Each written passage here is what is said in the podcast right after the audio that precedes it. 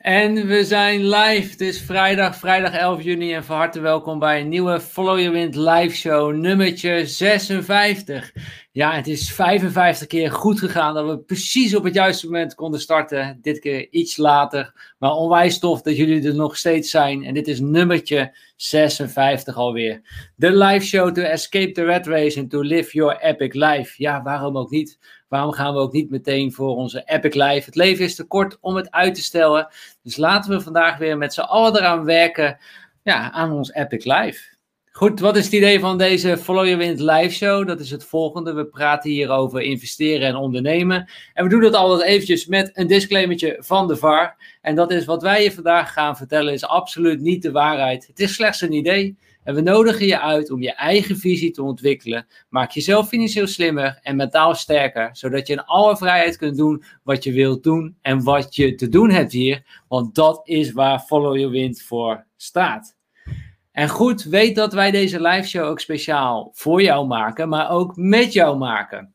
Aan de rechterkant vind je een live chatbox en je kunt met ons mee live chatten. Stel daar ook je vragen. We scannen ze allemaal en als wij denken dat is een goede vraag op het juiste moment, dan gaan we die ook voor je stellen. Ik heb al in het begin al hele goede vragen al gezien in de chat. Stel ze ook zeker tussendoor. We gaan dat echt allemaal bespreken. Dus uh, tof dat jullie er allemaal zijn. En we maken deze zo speciaal voor jullie. Goed, ik heb vandaag uh, drie kleine mededelingen die ik nog heel even met jullie wil, uh, wil delen. En de eerste is een nieuwtje wat uh, Nicole en ik met jullie willen, willen delen. Nicole is niet zwanger, maar iets anders wat we willen, willen delen. Dat is het, het volgende. het EK gaat beginnen. Ik hoop dat jullie al een beetje in de oranje stemming zijn. En uh, natuurlijk onze Nederlands trots Max Verstappen. Weet je, in september gaan we ook naar Zandvoort en hij doet het hartstikke goed. En wij dachten van, hey, kunnen we niet een Follow Your Wind uh, Special Edition lanceren met de oranje kleuren? En we hebben daar eens over na zitten denken en we hebben onze designer aan het werk gezet. En jawel, het is gelukt. We hebben een nieuwe quote bedacht en dat is Maximize Your Life. En dat is dan de Special Edition in het oranje en hij is vandaag live gegaan. Je kunt hem bestellen als merchandise. En deze vier dagen ook uh, eh, 15% uh, voordeel. Dus ik hoop dat jullie dat uh, tof vinden. Het is een eenmalige editie die gewoon deze maand even online staat. En ja, om even in die oranje sfeer te komen met z'n allen. Je kunt gaan naar followyourwind.com slash shop. En daar vind je dan ook de 15% voordeel. Dus laat even weten in de chat wat je ervan vindt. En of je het tof vindt. Ehm, dat zouden wij natuurlijk leuk vinden tweede wat ik met jullie wil uh, delen is dat uh, de Follow Wind, de groep, is lekker aan het groeien. We zitten over de 1700 deelnemers in de groep. Te gek, de groep waarin we elkaar stimuleren naar financiële vrijheid op een positieve manier. En we gaan daar uh, bijzondere dingen ook doen in de groep. We gaan volgende week daar een exclusieve vraag- en antwoord sessie doen. Uh, later deze live show meer daarover. Dus we gaan daar nog meer content delen die echt alleen ook in de groep uh, zal, gedeeld zal worden. We gaan het over een crypto Q&A gaan we doen, waarin jullie al jullie vragen kunnen stellen. En die we ook allemaal gaan beantwoorden. En dan gaan we ook met gastsprekers doen die al eens langs zijn geweest in deze live show. later in de uitzending daar, daar meer over. En als laatste, derde punt wat ik graag nog wil, uh, wil delen. In ieder geval, je kunt naar followyourwind.com slash groep. Daar kun je je gratis aanmelden voor de, voor de groep. Dan ben je erin. En derde puntje nog even. Uh, nou ja, het was toch wel een historische week. Uh, een historische week voor, uh, voor Bitcoin. Het landje El, Salvador maakte bekend dat ze van Bitcoin een wettig betaalmiddel gaan, gaan maken. Ja, ik denk dat het baanbrekend is en dat de meerdere landen zullen gaan, gaan volgen. We zullen het zien, maar het gebeurt onder onze ogen, de adoptie van Bitcoin. Maar goed, zoals jullie weten, wij, Nicole en ik, zijn best wel fan van Bitcoin. We zitten er ook in. Mocht je daar nou meer over willen weten, we hebben een hele handige Bitcoin video handleiding voor jullie gemaakt. Die kun je gewoon gratis downloaden. followyourwind.com slash gratis koppelteken BVH. Daarin leggen we uit, wat is Bitcoin? Waarom verwachten wij dat de prijs over de 100.000 euro zal gaan? Uh, waar kopen wij het? Waar bewaren wij het? Waar verkopen wij uh, onze bitcoins? Uh, hoe bepalen wij onze instappunten? En hoe ontvangen wij ook rente op onze bitcoins? Leggen we allemaal in die gids. Kun je gratis downloaden. followyourwind.com slash gratis koppelteken BVH. Goed, laten we beginnen. Waar gaan we het vandaag over hebben? We gaan het hebben over waarom de euro opvallend staat. Uh, hoe wordt er geld gecreëerd binnen Europa? En wie bepaalt, betaalt uiteindelijk die rekening van de geldcreatie? Daar gaan we het over hebben. Maar we gaan het ook hebben over de huizenmarkt en waarom dat wellicht een zeepbel is. En we gaan het hebben over de Great Reset. Wat, hoe zouden ze dat kunnen gaan invoeren? Wat voor gevolgen zou het voor ons kunnen hebben? En hoe kunnen we slim ja, daarop inspelen, ook met ons huidige vermogen? Hoe kunnen we het beschermen? Of wellicht kunnen we ook wel uh, vermogen opbouwen. Daar gaan we het vandaag allemaal over hebben. Je zult het vandaag ook wel zien. De drie dronken vrouwen zullen wellicht ook voorbij komen in de anekdotes. En wellicht komen de gorilla ook nog wel even tegen. Uh, dus goed opletten wanneer die voorbij komen. Want als één van die dronken dames valt, dan vallen ze alle drie. Dus het is belangrijk dat we weten wanneer ze vallen en dat we weten dat ze alle drie ook vallen. Uh, daar gaan we het vandaag ook over hebben. Nou, volgens mij is het de grootste tijd dat we onze gastspreker van vandaag uh, gaan introduceren. Neem nog even een slokje, slokje water. We hebben er lang op moeten wachten, maar hij is er hoor, hij is. Onze gastspreker van vandaag, van vandaag is een Nederlands publicist, schrijver en financieel journalist die voornamelijk over economie en de Europese Unie schrijft. Hij studeerde bedrijfseconomie en werkte in totaal vier jaar in het bedrijfsleven en bankwezen, waarna hij vier jaar ook werkte voor de Quote en 9to5.nl. Van dichtbij heeft hij kunnen zien hoe banken werken en sinds 2015 is voor hem duidelijk dat de geschiedenis zich gaat herhalen. Hij voorspelde dat de DSB-bank failliet zou gaan binnen 24 maanden. Nou, dat gebeurde dus binnen zes maanden. Hij werd ook bekend door de video over de Deutsche Bank, waarin hij aangaf dat deze bank technisch failliet is. Je bent hem vast ook wel eens een keer tegengekomen bij Café Weltschmerz. Hij is daarnaast ook schrijver van het Euro-evangelie en maakt daarover tegenwoordig ook een film over ja, hoe de EU zichzelf in de problemen bracht door te snel en te veel te willen. Hij sprak sinds 2015 ook al drie keer in de Kamer over de volgende crisis en hoe deze te bestrijden. Maar of ze ook geluisterd hebben naar hem, dat zullen we te weten komen in deze Follow Your Wind live show. Ik zou zeggen, geef hem een onwijs groot applaus. En jullie weten hoe jullie dat kunnen, kunnen doen. Met dat duimpje onder deze video geef je dat grote applaus voor onze gastspreker van vandaag. Geef even dat duimpje, abonneer natuurlijk. En jawel, dat komt in onze live show vandaag Jawel, daar is hij. Arno Wellens. Yay. leuk, leuk, leuk, leuk. Wel, welkom Arno, fijn dat je er bent. Ja, uh, nou ja, dankjewel dat je mij uitnodigde. Ik ben benieuwd. Ja. Ja, nou allereerst eventjes in de trant van Follow Your Wind uh, zijn we heel erg benieuwd hoe jij je eigen wind tot nu toe in je leven hebt uh, gevolgd. Uh, je hebt gewerkt bij een bank, je controleerde ja, daar de jaarrekeningen. Je bent vervolgens gegaan naar, naar Quote, naar 9to5.nl, was je redactielid. uiteindelijk ben je nu freelance journalist. Kan je ons ja. even meenemen in hoe dat is gegaan? Nou ja, het is... Um, het, het, het, het, soms val je voorover. Dan zijn het ongelukken in je leven, zou je kunnen zeggen. Ik, uh, ik heb bedrijfseconomie gestudeerd, inderdaad. Toen ben ik er ook in gaan werken bij, uh, bij een accountantskantoor. Uh, en dat was een beetje saai. En dat ligt niet aan het accountantskantoor, dat is gewoon de aard van het werk. Dus ik had mezelf ook moeten afvragen waarom ik eigenlijk solliciteerde. Ehm, toen zat ik daar en um, accountancy is heel erg repeterend werk. Waarvan ik er meteen bij zeg, iemand moet dat doen is typisch zo'n beroep, zeg ik altijd. Waarvan het heel fijn is dat als je constateert dat het gedaan moet worden en dat dan iemand anders het doet. Zeg maar, maar dan jij niet, niet, niet, niet zelf, als je begrijpt wat ik bedoel. Ja. Heel belangrijk dat iemand, iemand moet dit doen. ja, dat is. Uh, maar ik niet. Um, toen heb ik Jord Kelder leren kennen en die zei van nou, als je nou journalist wordt, dan ben je de enige in ons métier, zegt hij met zijn vertelletjes, uh, die de jaarrekening van een bank kan lezen. Want banken die doen allemaal dingen, niemand begrijpt het. Uh, het heeft enorme invloed op ons leven. En er is eigenlijk geen serieuze journalistiek die zich daarmee bezighoudt. Dus toen heb ik dat gedaan en precies op dat moment vielen ze allemaal om. Dat is een hele mooie timing. Het was de zomer van 2007. Dus de kredietcrisis begon in de zomer van 2007. En het geinige is dat je hebt heel veel economen en onderzoekers, die hebben toen ook artikelen, artikelen gemaakt. En die heten dan bijvoorbeeld uh, The Great Recession. How it started and how it ended. En die waren dan in de zomer van 2008 waren die al klaar. Heb je hele boeken over de kredietcrisis. Terwijl Lehman Brothers, die, begon, die viel pas in september 2008. Oh. Dus toen moesten we de gevolgen nog voelen. Maar toen hadden heel veel mensen al lang door van ja, ja, wat er gaat gebeuren, zus en zo. En dit zijn de oorzaken. En namelijk dat doorverkopen van die leningen, wat die banken doen. Dus je kan eigenlijk, um, een crisis kun je al een paar jaar van tevoren zien aankomen.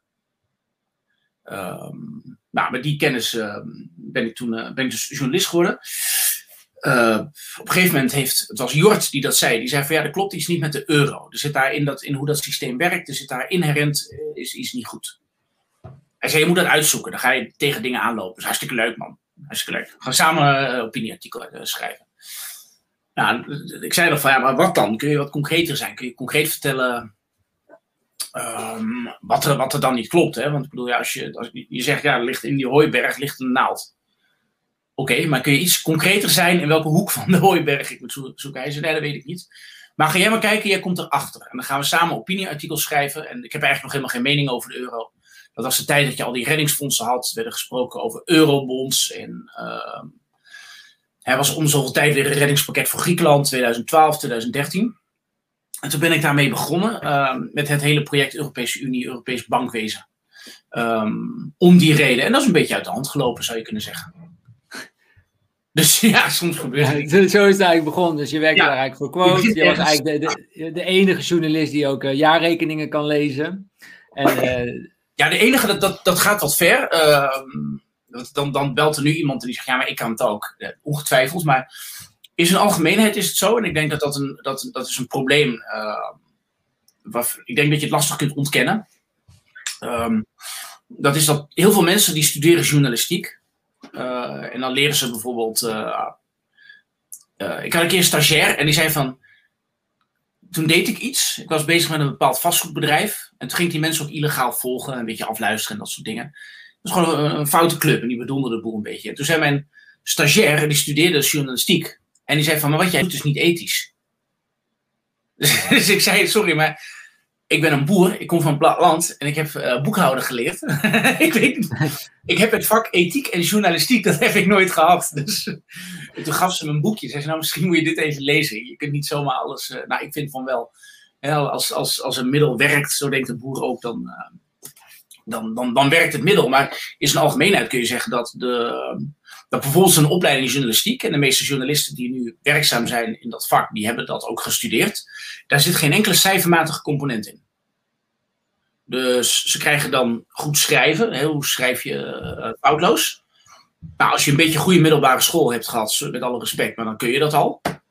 Dus daar leer je feitelijk niks nieuws. En dan heb je dus inderdaad de geschiedenis van de journalistiek en uh, hoe schrijf je een leuk. Het is een beetje een opstelwedstrijdopleiding. Ja. Maar als die, als die journalist die dat heeft gedaan, als die een investmentbanker moet, uh, het vuur aan de schenen moet leggen, en iemand die komt van die opleiding af, die heeft 0,0 geleerd om dat te doen. En daarom zie je dat ook. Als ze dan, uh, dus ook na de kredietcrisis, toen kwam, kwam er wel meer aandacht voor het bankwezen. Um, toen de, zaten de vier CEO's van de grote banken, die zaten dan bij, uh, bij nieuwsuur. Dat kan ik me nog heel goed herinneren. En dan zie je zo'n journalist, die weet gewoon niet wat hij moet vragen. Uh, en die, die, journalist had kunnen vragen, waarom stort jullie beurskoers in? Als je zogenaamd hersteld bent. Maar wat doet die journalist? Die vraagt van, het valt me op dat jullie allemaal witte mannen zijn. En die hebben allemaal een das. En toen zat Ger Gerrit Sand, die zat er nog namens uh, ABN AMRO. Die zat, die lag helemaal in de scheur. Want dat doet hij, die gozer zit de hele tijd te lachen. Uh, iedereen weet ook, die hem kent, die weet ook dat je hem niet na de lunch moet bellen. Dat heeft geen zin. Er gaat altijd een wijntje in bij de lunch en dan, dan is het gedaan. En toen zei hij van nou, laten we hopen dat uh, over een paar jaar dat er dan andere bankiers zijn. En dat we dan geen stropdas dragen. Want dat had Nelson Mandela ook niet. Dus dan is dat de, dan is dat de discussie van, oh het zijn allemaal witte mannen. Ja, ze hebben een stropdas.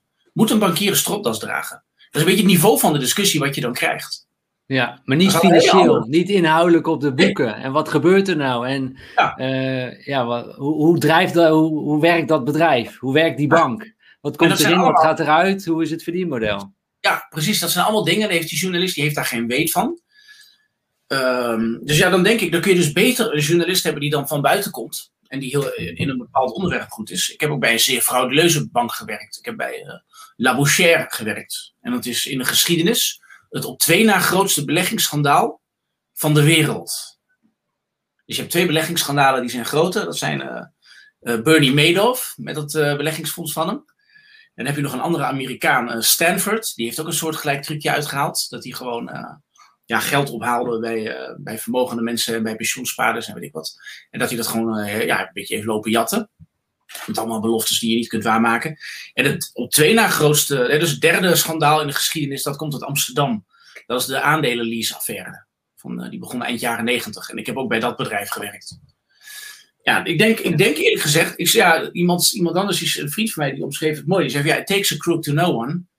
Um, ja, als je, als je daar niet een beetje in zit, dan kun je onmogelijk kritische vragen stellen. Inderdaad, en dan krijg je dus vragen aan de bank van, uh, ja, hebben jullie genderneutrale toiletten? Waarom hebben alle mannen een stropdas? Uh, waarom zijn er zoveel witte mannen? Weet je wel. Uh, ja, nou, laten we er nu dan, laten we er samen wel wat... Ja, ja, laten we er samen wel wat dieper in duiken. Ik zie ook in de chat, mensen zijn echt onwijs nieuwsgierig. Hoe zit het met de euro? Hoe zit het met de huizenmarkt? Hoe zit het met de, de Great Reset? Um, Daar wil ik het graag met je over, over hebben. En als, als eerste over de euro en de, de Europese Unie en de euro. En ik ben eigenlijk wel benieuwd van. En misschien lukt het bij jou nog om een lampje aan te zetten. Je bent een klein beetje donker eigenlijk. Dan... Dat maakt het niet erger. Even kijken of er nog. Uh... Is het beter? Een lampje voor mijn scherm? I ietsje, ietsje. Ja, ja, ja, het wordt steeds beter, Arno. Het wordt steeds beter. Mooi, mooi, mooi. Maar laten we het hebben over de, de, de Europese Unie. Ja. En uh, niet alles is slecht volgens mij aan de Euro Europese Unie. Dus ik ben heel erg uh, benieuwd hoe, hoe jij ernaar kijkt. Van oké, wat, wat werkte goed binnen de Europese Unie? En wat werkte niet zo goed? Kan je daar ons in, uh, in meenemen? Kijk, het, het, het lastige hieraan al, is altijd hè, dat de Europese Unie als een, als een geheel wordt, wordt, wordt, wordt beschouwd. Dan wordt er gezegd van ja, maar ehm, ehm, de Europese Unie is na de Tweede Wereldoorlog begonnen. Daar kun je toch niet tegen zijn, moreel gezien. En we verdienen toch heel veel aan de handel met dat buitenland enzovoort. Nou, op zich is dat zo. Dat is deels waar. Um, maar er wordt alles op een hoop gegooid. En om het overzichtelijk te maken, zou ik noem ik het altijd de drie M's de, de, de, de drie M's van, van de integratie. En dat zijn ook drie verdragen die zijn gesloten. Het verdrag van Luxemburg, daar hebben we de interne markt aan te danken met de kernlanden. Je hebt het verdrag van Schengen, dat is vrije migratie. Je hebt het verdrag van Maastricht, dat is de euro. Nou, er is een professor, uh, Professor Dr. Velbemeyer, dat, uh, dat is een Oostenrijker. En die heeft uitgerekend wat, wat de waarde is van die drie componenten. dus als er wordt gezegd, ja, je moet voor de Europese Unie zijn, want we verdienen zoveel aan die handel. Ik stel mezelf dan de vraag: zou je die handel ook hebben zonder euro? Toch? Lijkt me een hele redelijke vraag. Uh, het antwoord is ja. Hè, want we hebben in, in, de, in Europa hebben we landen die wel met de andere landen handelen. Dus die vrijhandelsakkoorden hebben gesloten die geen euro hebben.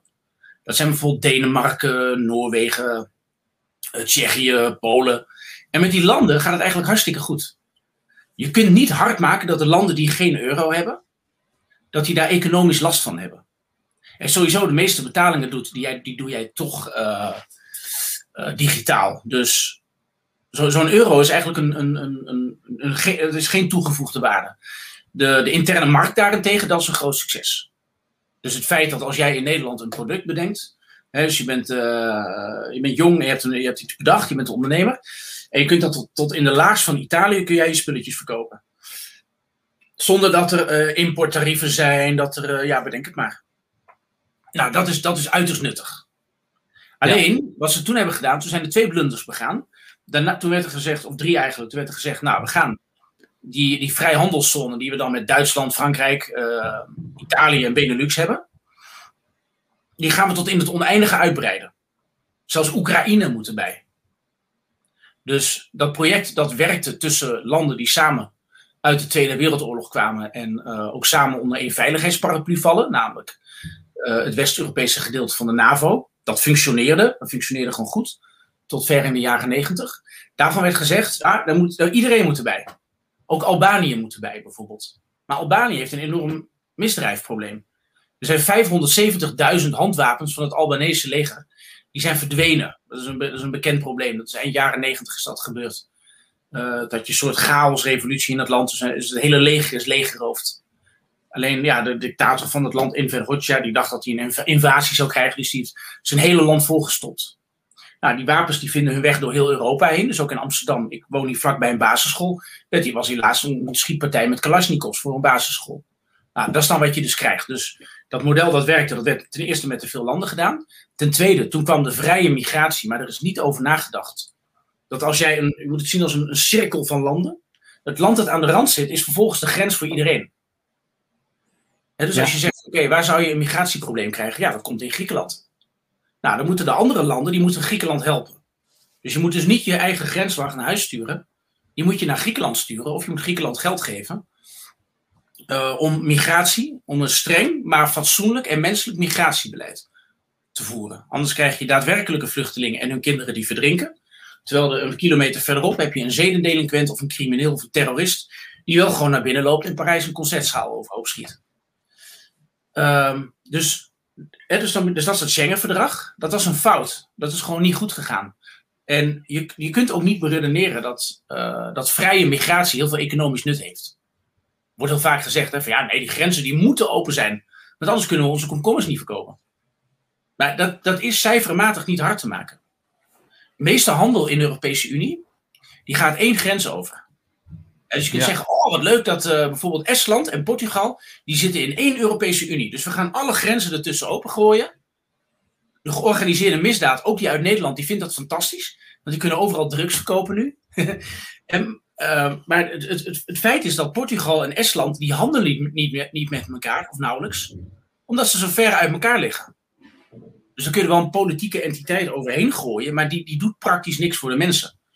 Maar die maakt wel dat je inderdaad dat je nu de facto geen migratiebeleid hebt. En dat zorgt voor allerlei problemen en daarmee radicalisering. Dus ik zeg altijd, nou, is heel simpel. Dan moet je die vrije migratie moet je op laten houden. Dus elk land gaat gewoon weer zijn eigen migratiebeleid voeren. En als je dat niet wil, als je die vrije grenzen wil hebben, ja, dan moet je de landen aan de randen, die moet je dan helpen. Om daar een menswaardig en veilig eh, humaan beleid op te zetten. Dan moet, dan moet iedereen gewoon een beetje geld aan Griekenland geven. Ja, dat is het probleem. Dat wil de Nederlander niet. De Nederlander die wil profiteren, maar niet betalen. Hm. En is een bekende uitspraak van Rutte. Geen cent meer naar de Grieken. Zo werd hij premier. Ja. Nou, als dat de. Uh, dus ik zeg altijd: ik moraliseer niet. Ik schrijf feiten op. Ik zeg niet of dat goed of slecht is. Maar feit is dat als je een Europese Unie hebt met landen die heel erg verschillend zijn. en die voelen niet zoveel voor elkaar. die hebben niet zoiets van. Laten we met z'n allen heel veel geld in de pot gooien. En de gemiddelde Nederlander die zal zeggen: ja. En dat blijkt ook uit allerlei onderzoeken. die zal zeggen: van ja, maar ja, ik wil niet betalen. Nou, dan moet je ambitieniveau, dan moet je dan daarop afstemmen zou ik willen, willen opperen. En dan heb je het derde project dat is gestart en dat is het Verdrag van Maastricht. En dat is de euro. En als je de euro. Uh, uh, de, de, euro dat is, die is inherent instabiel en fout. En dat kun je zien, dat, dat blijkt uit het Verdrag van Maastricht, dus waarin dat is afgesloten. Mensen kunnen dat gewoon opzoeken. Lees eerst de preambule, dus met een aantal uh, spreuken en waarom doen we dit. En dan artikel 125 van het verdrag. Um, ja, het staat erin. Mensen, dus ook, ook wat ik zei, net zei over die, bijvoorbeeld die migratie. Je kunt dat gewoon opzoeken. Mensen zeggen altijd van ja, uh, bijvoorbeeld migratie, dat is een chaos. Maar lees gewoon het verdrag van Schengen, artikel 17. In artikel 17 van het Schengen-verdrag staat gewoon letterlijk van ja, we gaan nu die grenzen opengooien. Dat gaat allerlei gevolgen hebben, waar mensen last van zullen hebben, hè, as a result of. En er moet een keer gesprek over voeren. Dus je gaat eerst die hele heftige stap nemen. Dat heeft gevolgen artikel 17, 18 en 19 staat het eigenlijk. Ja, daar gaan we later een keer gesprek over voeren. Dus je laat het een tijdje ontsporen. Nou, en in dat verdrag van Maastricht is dat ook zo. In het verdrag van Maastricht staat artikel 125 dat, uh, dat het ene land nooit zal hoeven betalen voor het andere. Dus no bail-out ja. trouwens. Wat, wat, nog een keertje, wat staat daar in dat verdrag? Het ene land zal nooit. Hoor je mij trouwens goed? Want ik kan even. Ja, ja, zeker. Ja, ja, ja. Uh, het ene land zal nooit hoeven te betalen voor het andere. Dat staat dus, in dat verdrag? Ja, artikel 125. Dus niet voor een overheid, niet voor een bank of voor een andere instelling in het andere land. Daar hoef jij nooit de schulden van op je te nemen. Nou, ik zal je vertellen, dat is theoretisch onmogelijk. Dat is hetzelfde als een auto zonder wielen. Als jij een muntunie wil aangaan met landen die, zeker als ze zeer verschillend zijn, dan moet je een gemeenschappelijke pot hebben. Je hebt een bekende Canadese econoom, die heeft daar een boek over geschreven, Nobelprijs voor de economie voor gewonnen. Het is, allemaal, ook niet zo moeilijk. Als jij een muntunie hebt met landen die uh, uh, verschillend zijn, die gewoon een andere economie hebben, dan heeft elk land ander economisch beleid nodig. Wat helpt voor Griekenland, helpt niet voor Finland of Nederland. Dus als je dat bij elkaar wil houden, je wil dat bij elkaar trekken, en bijvoorbeeld Griekenland of Italië zit in een crisis, dan heeft zo'n land niet meer de middelen die ze buiten de muntunie wel hebben, om lokaal beleid te voeren. Ze kunnen bijvoorbeeld niet de munt laten devalueren, want die munt hebben ze niet meer. De rente verlagen, zodat investeren aantrekkelijker wordt. En je bijvoorbeeld dankzij die extra investeringen werkloosheid kunt bestrijden in een crisis. Ja, dat kan ook niet, want je hebt geen centrale bank meer. Die staat nu in uh, Frankfurt. Uh, misschien wil je tijdelijk begrotingstekort laten oplopen, zodat je daarmee mensen aan het werk kunt houden tijdens een recessie. dat hebben we in Amsterdam ook gedaan. Dan heb je het Amsterdamse Bos en de Afsluitdijk in Nederland. Dat zijn allemaal werkgelegenheidsprojecten waarbij de overheid zegt: hé, hey, er is een crisis. Ik ga lokaal investeren en de werkgelegenheid kunstmatig hoog houden, zodat mensen bezig zijn. En als dan die crisis voorbij is, dan kunnen ze weer naar een oude baan. Nou, in de Europese Unie mag dat niet, want je moet je begroting voorleggen in Brussel. Dus het feit dat jij in een muntunie zit, dat betekent dat jij op heel veel manieren wordt beknot om jezelf met beleid uit een, uit een crisis te halen. Um, het logische gevolg daarvan is dat als landen besluiten van hé, hey, wij moeten samen in een euro zitten, dan moet er een hele sterke centrale macht zijn die belasting kan heffen en die, uh, uh, en die landen helpt waar dat nodig is. Want je kunt niet meer je eigen crisis oplossen, nou dan moet het collectief dat doen. Alleen dat betekent dat er geld naar het collectief moet. En dan komt hij weer, geen cent meer naar de Grieken, zei Rutte om de verkiezingen te winnen. En 71% van de Nederlanders, dat blijkt uit het laatste onderzoek hierover van INO Research, 71% van de Nederlanders heeft geen zin om voor de ander te betalen. Nou, dan kan het niet werken. Dat is, zo logisch is het. En als je in de Verenigde Staten van Amerika kijkt, is altijd het voorbeeld van, uh, heb je zo'n Guy Verhofstadt, yes, but, uh, but in the US and A, they have an army and one currency and one president en weet ik veel. En dat is die, die Belg met, die, met al die tanden. En, die, en die is heel erg voorstander van, van gewoon één groot Europees Rijk. Alleen, wat hij er niet bij vertelt, is dat uh, een gemiddelde Amerikaanse staat, die betaalt 4 tot 5 procent van het eigen bruto nationaal product aan belastingen aan het collectief. En in New York is het zelfs 10 procent. En de hoofdeconoom van het IMF die heeft dat uitgerekend, dat is onomstreden onderzoek. Mm dat als je over een periode van 10 jaar. Um, en je pakt alle afdra afdrachten via belastingen. bovenop wat de staat New York. En New York is een van de rijkere staten natuurlijk in Amerika. West Virginia is de armste. Dus er gaat allemaal geld vanaf die andere staten naar West Virginia. Maar als je dat een Amerikaan vraagt, die mensen die accepteren dat. dan zeggen ze van ja, maar nu zijn we één Amerika.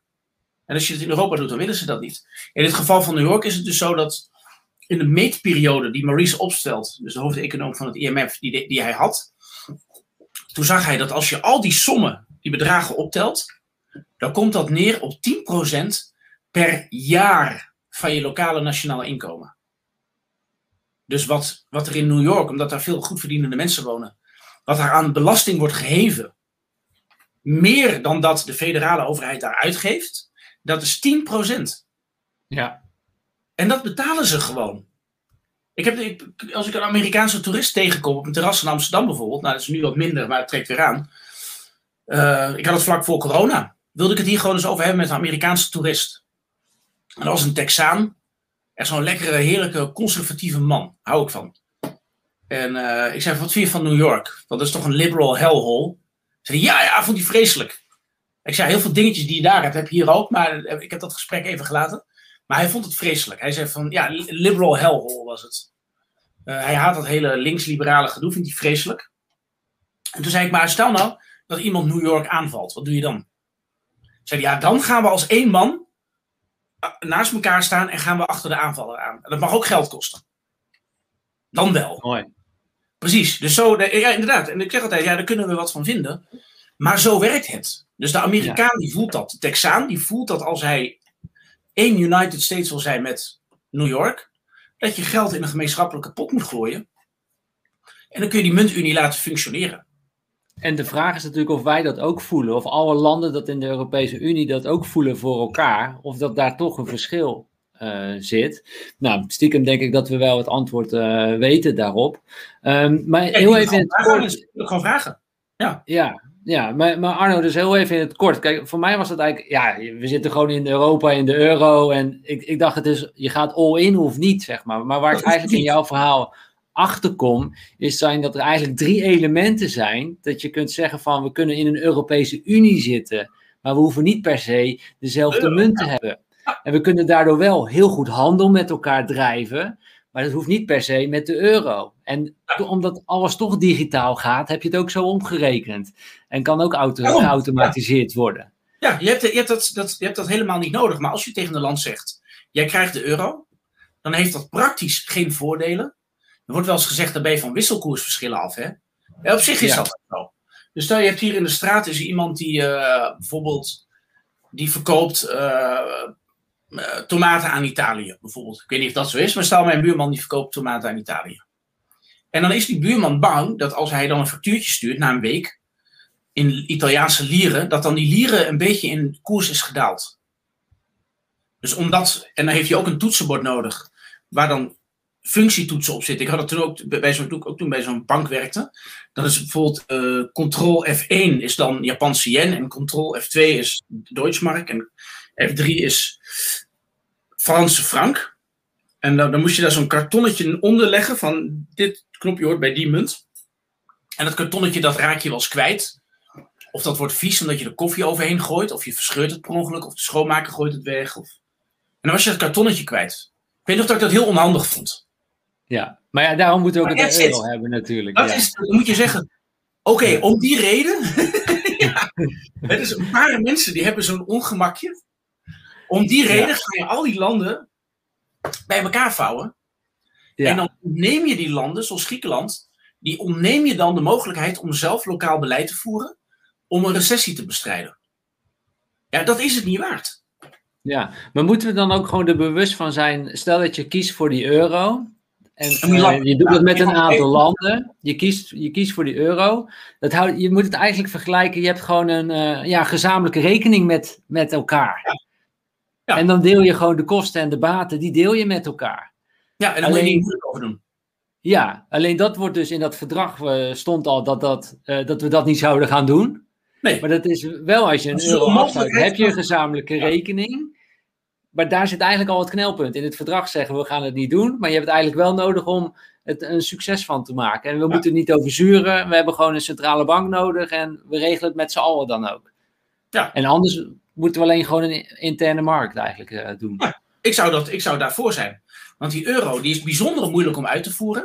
Iemand vroeg ook van wat, wat kost het dan? Ja. Uh, dat zal ik, zal ik beantwoorden. Het is dus zeer lastig om uit te voeren. Je moet in geopolitieke zin, in staatsrechtelijke zin, moet je zeer grote stappen zetten. Je moet de financiële soevereiniteit van Nederland moet je afschaffen. Nou, ik vind dat dat een referendum of een grondwetswijziging waard is. Je kunt niet even op een zondagmiddag zo'n verdragje sluiten. Van, joh jongens, hier is de creditcard. Nou, wat is er dan gebeurd? Ik zal meteen op terugkomen op die vraag van wat kost het dan? Kijk, uh, de contributie die nodig was om er succes van te maken. Ik vergelijk als met de, met de, met de Open in Haarlem bijvoorbeeld. Uh, dan heb je, um, heb je allemaal mensen die willen graag dat hun kinderen gaan hockeyen. En dan moet die, hockeyclub die moet dat maar regelen. Dat, uh, dat, de baan, dat er een baan ligt überhaupt. Dat er vrijwilligers zijn. Dat het schoon is. Uh, dat, dat er vervoer is voor de kinderen naar wedstrijden enzovoort. Moet allemaal maar geregeld worden. Nou, dat is heel simpel. Dan zegt die hockeyclub, dat kost contributie. En die hockeyclub die kan al die kosten optellen, delen door het aantal mensen. En dan zeggen ze, dit is de contributies. 20 euro per maand per kind of zo, weet ik veel. Nou, dan zullen er mensen zijn die zeggen, ja, dat wil ik niet. Geen cent meer naar de hockeyclub. Net zoals Rutte dat zei, geen cent meer naar de Grieken. Nou, geen cent meer naar de hockeyclub. Nou, dat is heel simpel. Als je dat niet wil, ja, dan heb je ook geen hockeyclub. Ja, toch? Nou, ja, ja zo simpel is het. als je geen seks wil hebben, word je ook niet zwanger. En je kunt ook niet een beetje zwanger zijn. Dus je gaat all in en dan accepteer je alle verantwoordelijkheden. Nou, wat hebben we dus gedaan met die euro? Toen zijn we erin gegaan uh, met al die gebreken. Dus dan begint dat project, dat begint meteen al te rammelen. En dan moet je dus wel die contributie gaan heffen, maar achteraf. En dan is corona natuurlijk een fantastisch excuus. Dan kun je allemaal maatregelen die je eigenlijk zou moeten nemen om de euro te redden, die, die moet je dan doen vanwege corona. En dus wordt er nu gezegd van ja, uh, dan moet de centrale bank dat geld maar bijdrukken. Dat is wat er dan nu gebeurt. En dat heeft een enorm gevolg met betrekking tot inflatie. Dus wij, wij betalen nu officieel geen cent aan de Grieken inderdaad, of aan de Italianen of de Portugezen. Alleen de centrale bank die doet dat, buiten onze democratische controle om. Want je kunt geen democratische controle op de centrale bank uitoefenen. Uh, en als de centrale bank geld bijdrukt, dan ontwaart het geld dat in jou en mijn zak zit. Dus dat betalen wij ook. Ja. Alleen gaat het dus via een omweg. Linksom of rechtsom gaat lappen. En kan je uitleggen aan ons hoe dat gebeurt, die geldcreatie? Weet je, we zien altijd plaatjes natuurlijk van de geldprinter, dat die aanstaat en dat die bruggen doet en dat die draait. Maar die is er natuurlijk niet. Eh, maar, maar, maar, hoe werkt het nou? Hoe hebben ze dat slim in elkaar gestoken dat er toch gewoon geld bijgedrukt kan worden? Uh, ik heb hier, kijk, je hebt hier een taxietje. Uh, een hele goede vriend van mij is investmentbank en die werkt in New York. En die neemt altijd cadeautjes mee en dingen. En die, die vertelt mij ook hoe dingen werken. Dus even, we pakken dit, dit speelgoedautootje. Stel even, in dit voorbeeld, jij bent de centrale bank. Jij bent Christine Lagarde. Uh, dus moet je even met een leuke Franse accent praten. en um, oh, hij rijdt ook nog. Sorry, zeg je. Dankjewel, Dick is een heel leuk speelgoedje. en ik ben ABN AMRO in dit voorbeeld. Nou, hoe werkt dat bijdrukken van de centrale bank nou? Kijk, die centrale bank die zou uh, overheden in nood kunnen helpen door gewoon geld bij te drukken. Dus dan heb je een printer hier in de hoek staan uh, en daar komt dan geld uit en dat geef je aan de overheden. Maar dat is verboden. Je mag elkaar niet helpen. Dat stond in het artikel 125 van het verdrag van Maastricht. Dus uh, wat is, wat is dus alle, alles wat er daarna volgt, alles wat er fout gaat en gerepareerd moet worden, dat begint met dat artikel 125. Want die centrale bank die mag dus niet iemand helpen. Nou, wat, moet, wat mag die centrale bank wel doen? Die centrale bank die mag wel zeggen, nou, we gaan bepaald beleid uitvoeren om het prijsspel uh, op orde te houden. Um, alleen dat moet je dan door de hele Europese Unie doen. Dus het beleid dat je in Griekenland uitvoert, moet je ook in Nederland uitvoeren. Dus als je in Griekenland een veel zwaardere recessie hebt dan in Nederland, dan moet je beide landen hetzelfde medicijn geven, alsof het inderdaad één land is staat ook in het, in het oprichtingsverdrag van de ECB. En dat is, een, uh, dat is gewoon een onjuiste voorstelling van zaken, want Nederland is geen Griekenland. De omstandigheden zijn hier anders.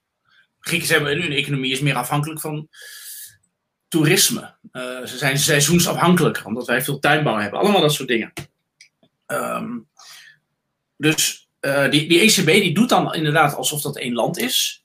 En die, die voert overal hetzelfde medicijn uit. En dat is dus dat geld bijdrukken. En dat zorgt in Nederland voor giga-inflatie op de huizenmarkt.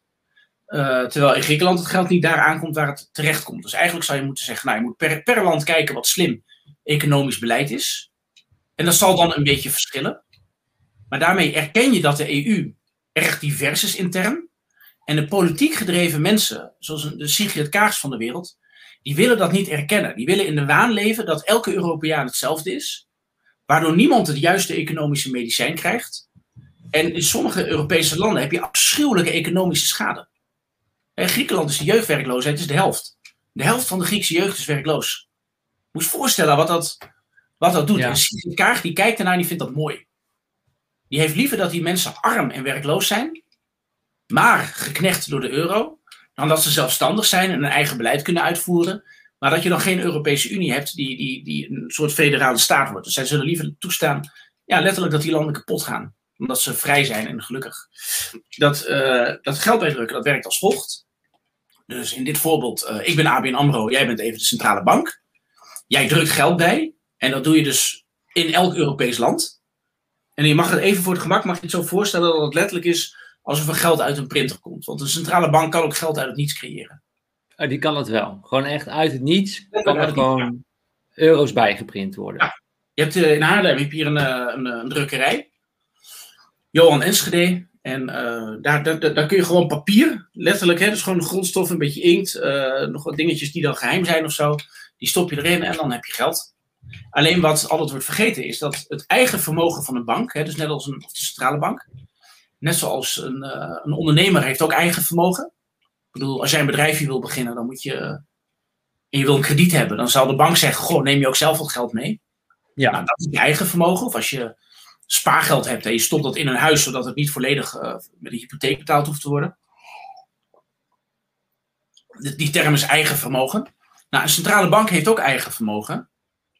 En dat verwateren ze dus op het moment dat ze dat geld bijdrukken. En het eigen vermogen van een bank, dat is jouw en mijn geld. Dat is belangrijk om te onthouden. Dus als de centrale bank zegt van, oeh, uh, we gaan zus of zo, we gaan nog een beetje geld bijdrukken bijvoorbeeld. Dan is dat, het is natuurlijk niet het geld van die centrale bankier zelf. Het is niet dat Christine Lagarde daar last van heeft. Dat geld dat je bijdrukt en wat je dus verwatert, want je hebt dezelfde economie, maar er wordt meer geld bijgedrukt, nou dan wordt het geld minder waard, dat is logisch. Nou, wie hebben daar last van? Nou, het eigen vermogen van de centrale bank is ons geld. Dus wie pak je daarmee op het moment dat je dat, je dat, dat, je dat monetaire beleid uitvoert? Iedereen die met de euro betaalt. Hun euro's worden minder waard. Dus links, iemand moet toch betalen. Nou, dan doe je dat op deze ja. manier. Dat iedereen die met de euro betaalt, die een stukje van zijn geld inlevert. En dat is dan een alternatief voor contributie. Die centrale, maar die centrale banken, die, die scheppen toch dat geld en die geven dat toch aan de reguliere banken? Dat ja, is klopt. Ja, maar dat gaat toch ten opzichte met een lening of hoe, hoe werkt dat? Hoe, hoe zit dat in elkaar? Het, dus ABN AMRO heeft dit autootje. Uh, en dus jij bent even de centrale bank, ik ben ABN AMRO. Nou, dan zegt, uh, dan zegt de centrale bank, die belt ABN AMRO op. En die zegt, joh, ik wil wat geld bij jou parkeren. Ik wil geld in de samenleving storten. Dat gaat inderdaad via de particuliere banken. Dus Nederlands en ABN AMRO, ING, uh, Volksbank. dat, dat zijn de systeembanken. Dus systeembanken doen hier aan mee. dus, dus de centrale bank belt ABN AMRO op. En die zegt, zullen we dat autootje ruilen voor een pallet met geld die ik net heb bijgedrukt? Nou, als je dat aan mij vraagt, zeg ik, ah, oké, nou hier, dan geef ik dat autootje aan jou. En dan geef jij die, dat pallet met geld aan mij. Alleen omdat ik nu een, een vast bezit heb ik ingeruild voor liquide middelen. Dus ik ben ABN AMRO, ik ben nu meer liquide. En dat extra geld dat ik heb, die extra liquiditeiten, die zou ik dan kunnen uitlenen aan ondernemers die het nodig hebben. Dus, uh, dus stel je voor dat je, even heel simpel, stel je voor dat je uh, een, een, bank bent die voor 100% uit spaargeld bestaat van één spaarder. En je hebt één klant, je hebt één hypotheekklant. Even heel, heel gechargeerd. Ja. dus, dus jij opent je bank. Uh, de, de Follow Your Wind bank noemen we die. Uh, dus je hebt een kantoortje en uh, nou, potverdikkie. Je bent één dag open en er komt een klant binnen. En die zegt, ik wil graag mijn spaargeld hier neerleggen. Hier stallen. Maar dan moet jij iets doen met dat spaargeld, waardoor het rendeert. En dan kun je de kosten betalen. Dan zou je bijvoorbeeld rente kunnen betalen. Dus inmiddels is dat een beetje afgeschaft, maar goed. Nou, stel je voor dat er, iemand, er komt iemand binnen die legt 100.000 euro neer aan spaargeld. En jij moet dat bewaken en je moet dat op een licht renderende, maar wel veilige manier doen. Nou, dan komt er daarna komt iemand anders binnen. Je hebt echt de uh, makkelijkste dag ever. Je hebt gewoon heel veel geluk. Komt er nou iemand anders binnen en die zegt: Ja, mag ik een hypotheek van 100.000 euro hebben? Nou, dan heb jij op dat moment, dan zeg je: Oh, toevallig, ik heb hier net 100.000 euro van die, van die spaarklant. Nou, dan heb je een spaarklant en een hypotheekklant. Dus je geeft het, die 100.000 euro van die spaarder geef je aan die hypotheekklant. Uh, en dan heb jij je werk gedaan. Alleen, dan breekt er op een gegeven moment, breekt er, uh, van de neem je dit op trouwens? Waar zit jij? Uh, Malaga. Malaga. Oké, okay, nou. Nou, oké, okay. er breekt ineens een recessie uit in Malaga. En de overheid die vraagt aan jou als bank van, kun jij iets doen om de economie weer een beetje te, te, uh, aan te zwengelen? Zou je bijvoorbeeld iets ruimer kunnen zijn met de, met de kredietverlening, zodat, hè, zodat je bijvoorbeeld een ondernemer, als je bijvoorbeeld een restaurant om de hoek hebt, ik noem maar wat, en die wil verbouwen. Hè, als jij als bank een, een, lening geeft aan die ondernemer om te verbouwen, dan heeft eerst het bouwvakkenwerk. Um, en daarna zullen er meer klanten naar dat etablissement komen en dan heb je meer omzet. Dan die ze lening terugbetalen en dan worden er allemaal mensen aangenomen. En zo bestrijd je werkloosheid. Dus, dus dat zou aan jou als bank gevraagd kunnen worden. Maar wat zeg je dan? Dan zeg je, ja, dat kan ik niet, want die 100.000 euro die ik had, die heb ik al in een hypotheek gestopt. Dus ik ben niet meer liquide.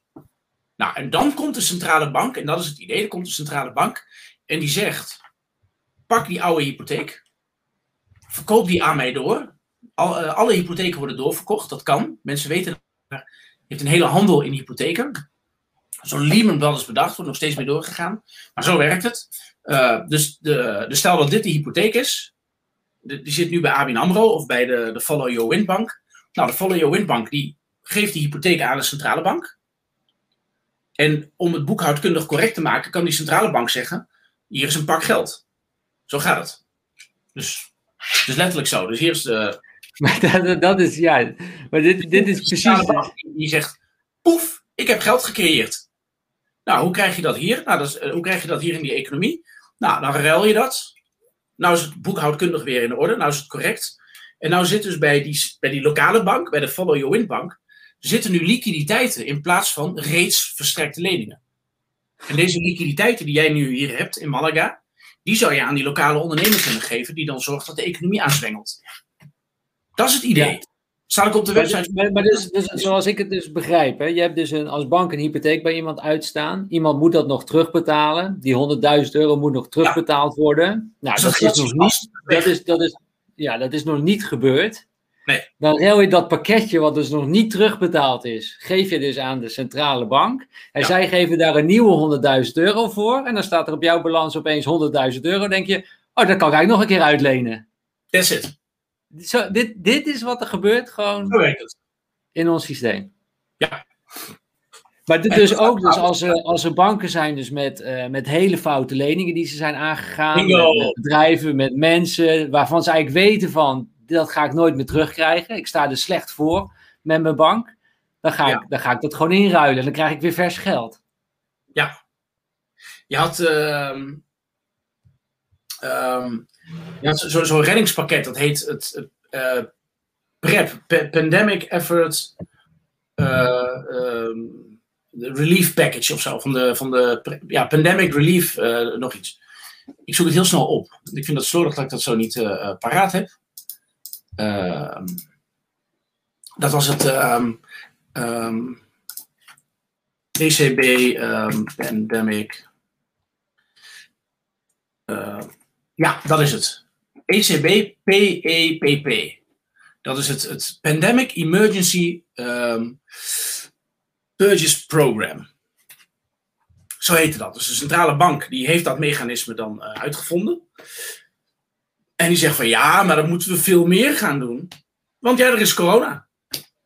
De centrale bank die heeft geen ander middel dan dat. If you're a hammer, all you see is nails. dus, uh, dus zodra er een, uh, een, een, een, situatie is, waar ik niet eens, eh, al, al, is de koffie op, dan zal de centrale bank zeggen: we gaan dat middel, dat ruilen van dat geld en, dat, en die bezittingen, we gaan dat meer of minder doen. De centrale bank heeft geen andere middelen. De centrale bank mag niet lokaal een beetje meer of een analyse doen in een specifiek land wat dan nodig is, of aanbevelingen. Of, het zijn allemaal dingen die de centrale bank niet mag. Daarom noem ik het ook een gorilla of een timmerman. De centrale bank is een heel grof apparaat dat alleen maar kan zeggen: Nou, oké, dan trap ik het gaspedaal in.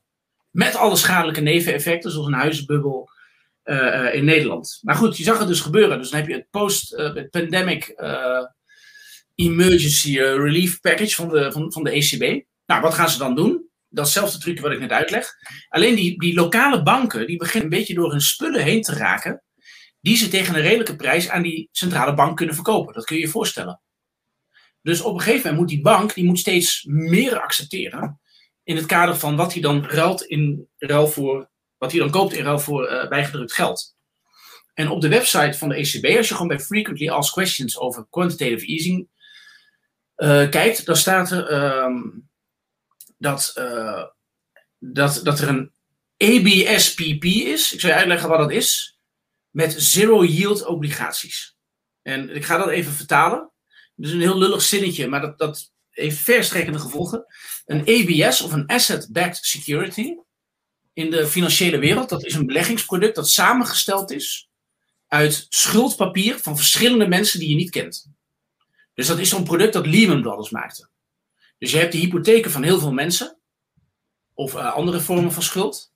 En die vouw je bij elkaar, die stop je in een doos en dan verkoop je die doos door. Alleen degene die de doos koopt, die heeft geen idee wat die, wie die mensen zijn die in die... Uh, die koopt een black box. Die koopt een black, een black box, inderdaad. En die black box die krijgt dan een koers. En dan kan die, dan kan die investment, de andere kopende investmentbank, die kan dan die doos aan een pensioenfonds doorverkopen. En dan zegt het pensioenfonds van, hm, wat is een redelijke prijs voor die doos? Nou, dan zal die investmentbank die ertussen zit, die zal zeggen, ja, nou, ik heb het voor 100 gekocht, koop jij het voor 101? Dan gaat de koers een beetje omhoog en 101 is niet zo'n hoge prijs. Dus dan zegt die, dat pensioenfonds van, oké, ik koop het voor 101. Bij die transactie wordt er niet meer in de doos gekeken. Dus dat pensioenfonds, dat koopt eigenlijk iets, hypotheken van mensen die ze niet kennen, Zonder dat ze weten hoe risicovol die zijn. En dan ja. beginnen er misschien op een gegeven moment beginnen er, uh, beginnen mensen die in die, die uh, wiens hypotheek in die schoenendoos zit. Ook in Nederland gebeurt nog steeds, hè? alle hypotheken worden doorverkocht. Um, ineens beginnen die de wand te betalen, of de wand betalen, even wat goed Nederlands is. En dan zegt dat pensioenfonds van, hé, hey, ik had verwacht dat hier een bepaald rendement uitkomt, die doos die ik voor 101 kocht.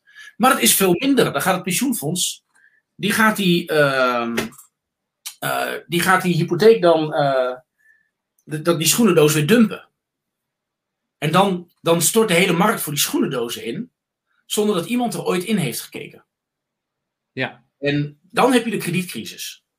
Nou, wat de centrale bank nu heeft gezegd is dat binnen de financiële wereld de meest rotte ABS'en, dus een asset-backed security, dus het is een beleggingsproduct, een aandeel of een obligatie in zo'n in zo'n uh, tweedehands hypotheekhandel.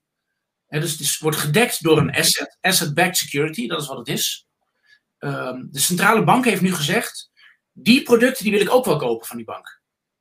Dus even in het kader van, uh, we hebben net gezegd, nou jij bent dan de centrale bank, ik ben ABN AMRO. Uh, kijken, dus ik heb hier wat klein geld liggen. We gaan het splitje even doorvoeren. Zo. Dus hier is de centrale bank, die heeft wat geld gecreëerd. En die zegt tegen ABN AMRO, oh, ik moet liquiditeiten bij jou krijgen. Uh, nou, mag ik het autootje hebben? Nou, okay, komt dat autootje. Nou, dan ligt er dus hier geld en de centrale bank heeft nu dat autootje gekocht. Hopelijk tegen een goede prijs. Alleen, de, de economie moet meer worden gestimuleerd. Nou, ik ga kijken wat ik hier nog meer heb liggen. Ik heb hier een, uh, een, uh, een beeldje uit Zuid-Afrika. Uh, mag ik dat beeldje kopen voor. Ja hoor, nou, hoppa. Dus liggen liggen hier nog meer spulletjes. En er gaat nog meer geld in de economie. En die centrale bank die gaat maar door. En, nou, Allemaal hier. Uh, het gaat maar door. Alleen op een gegeven moment, het is hier ook daadwerkelijk zo. Ik heb hier een tafeltje staan waar spulletjes op liggen. Um, uh, ik heb hier nog een kastanje, die heb ik in het bos gevonden. Kan ik die kopen voor de, om geld te... Ja hoor, hoppa, wordt nog meer gestimuleerd. Nou, liggen hier nu dus een rolletje plakband, een autootje, een, standbeeldje. En er liggen hier vier bijgedrukte muntjes. Als we dit door zouden willen gaan doen, op een gegeven moment, ik weet niet wat ik nu nog hier kan pakken. Dus dan zegt die centrale bank van, uh, um, geef maar wat rotzooi. Geef maar wat pluis dat op de grond ligt. Toch? Je kunt je voorstellen, op een gegeven moment ben je leeggekocht. Ja. Nou, wat de centrale bank nu heeft gezegd vanwege corona, is dat ze zeggen, de, een ABSPP, of, dus een Asset Backed Security Pro, uh, Purchasing Program, voor producten met een zero yield, waar dus geen rente meer uitkomt. Die mogen ook worden gekocht vanwege corona. Alleen wat is een ABS met een zero yield? Dat is een beleggingsproduct met sa samengesteld uit die hypotheken, waar nul rente uitkomt. Weet je waarom er nul rente uitkomt? Ja, omdat het een kutproduct is.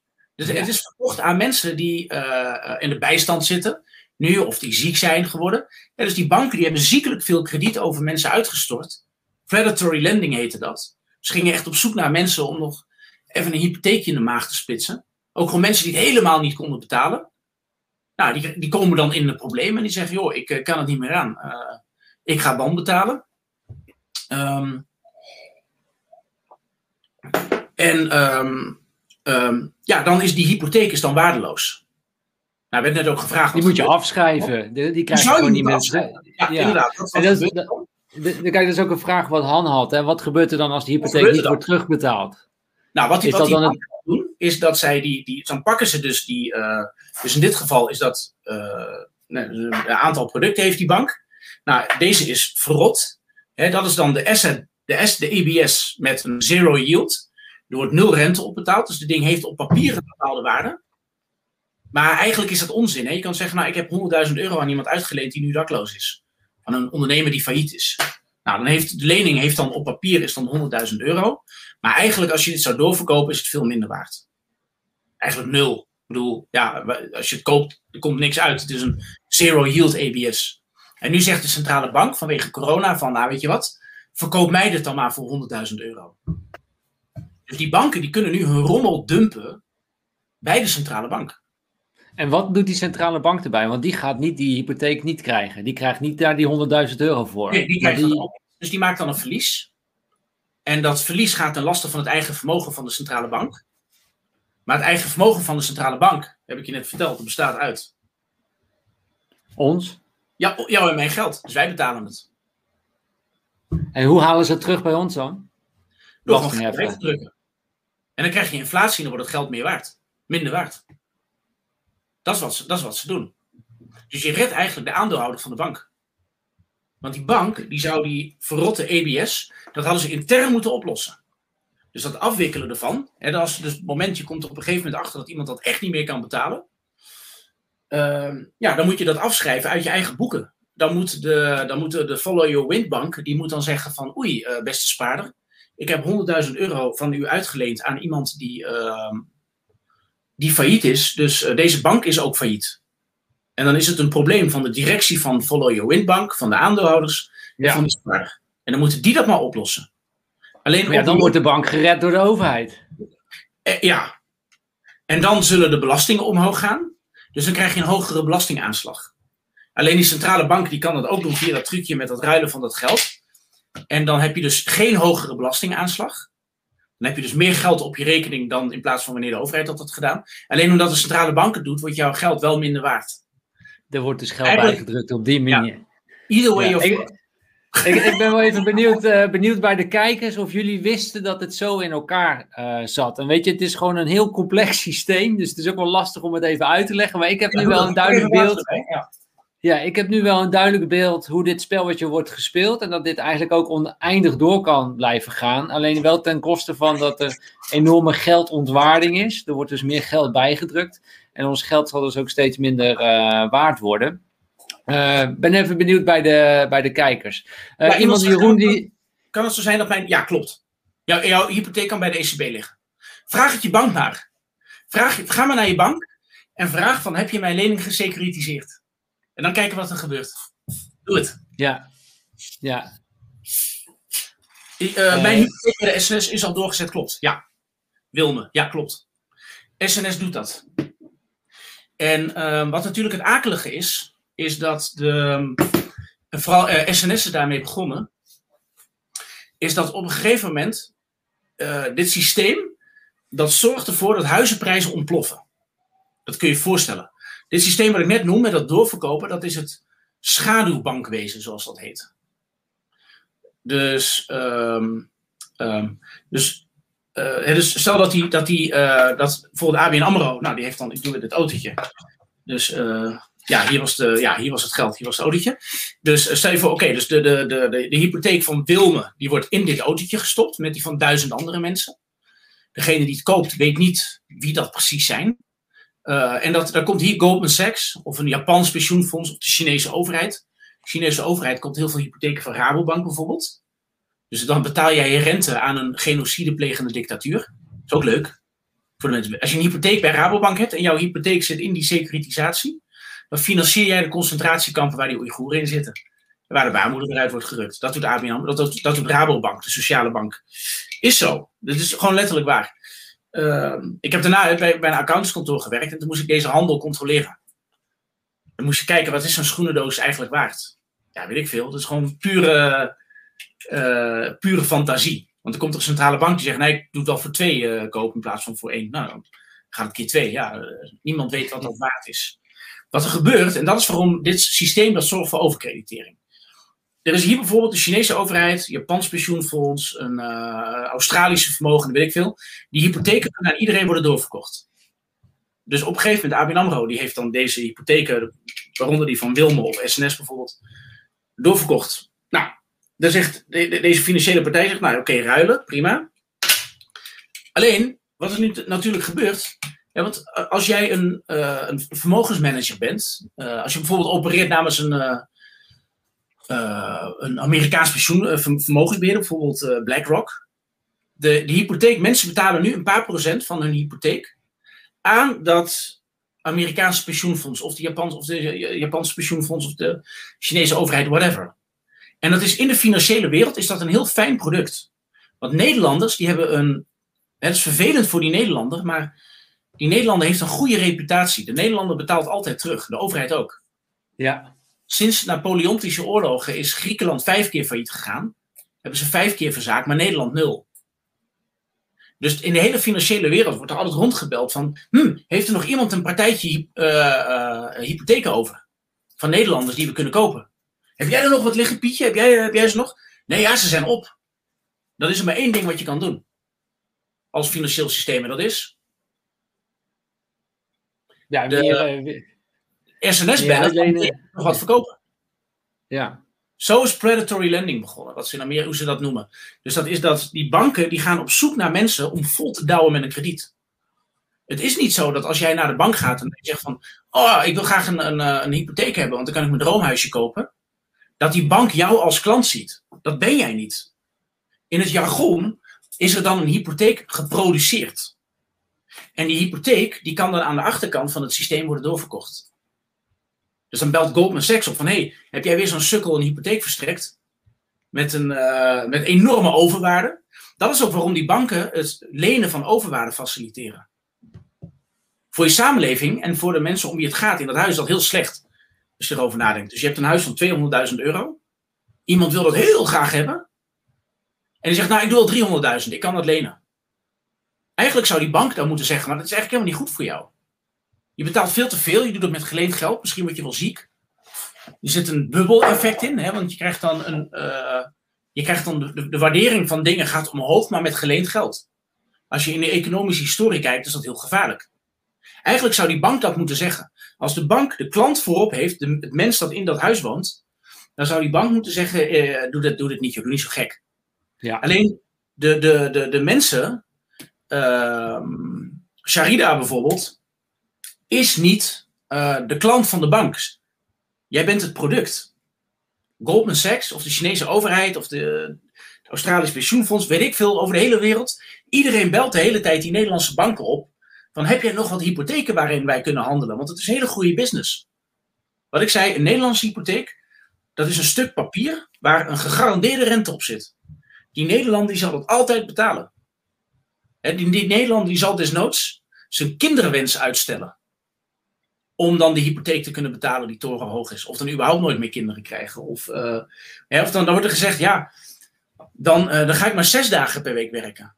Ik ken mensen die werken nu bijvoorbeeld zes dagen, die werken bijvoorbeeld in de horeca. En hebben ze een beetje gerommeld met hun inkomen om, die, om een uh, lening of een hypotheek te krijgen. Maar dan moeten ze feitelijk zes of zeven dagen werken om die schuld af te betalen. Die Nederlander die doet dat. Die Nederlander is een schuldslaaf. En die dient een financieel systeem. En dan kunnen dus die investmentbankers, die kunnen zeggen, hey, je hebt hier een stukje papier. Uh, ja, die Nederlander, die is zo stom, die betaalt dat wel. Die Griek ja, dus niet, hè? Die Griek is slim. de, ja. Ja, maar, maar, wat je eigenlijk zegt is dus dat uh, banken die willen ons heel graag uh, leningen, hypotheken verstrekken. Niet zozeer ja. dat zij uh, verdienen aan de rente die wij betalen op die hypotheek.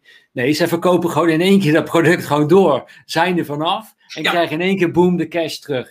Hebben ze weer vers geld, kunnen ze het nog dan een keer gaan nog doen. een keer uit en dan moet je er een verzekering op nemen. Want elke keer als jij een lening neemt, dan moet je ook een levensverzekering afsluiten. Alleen een levensverzekering is een zeer ondoorzichtig product. De hoogte van jouw levensverzekering, dat is een vergelijking met ongeveer 30 variabelen.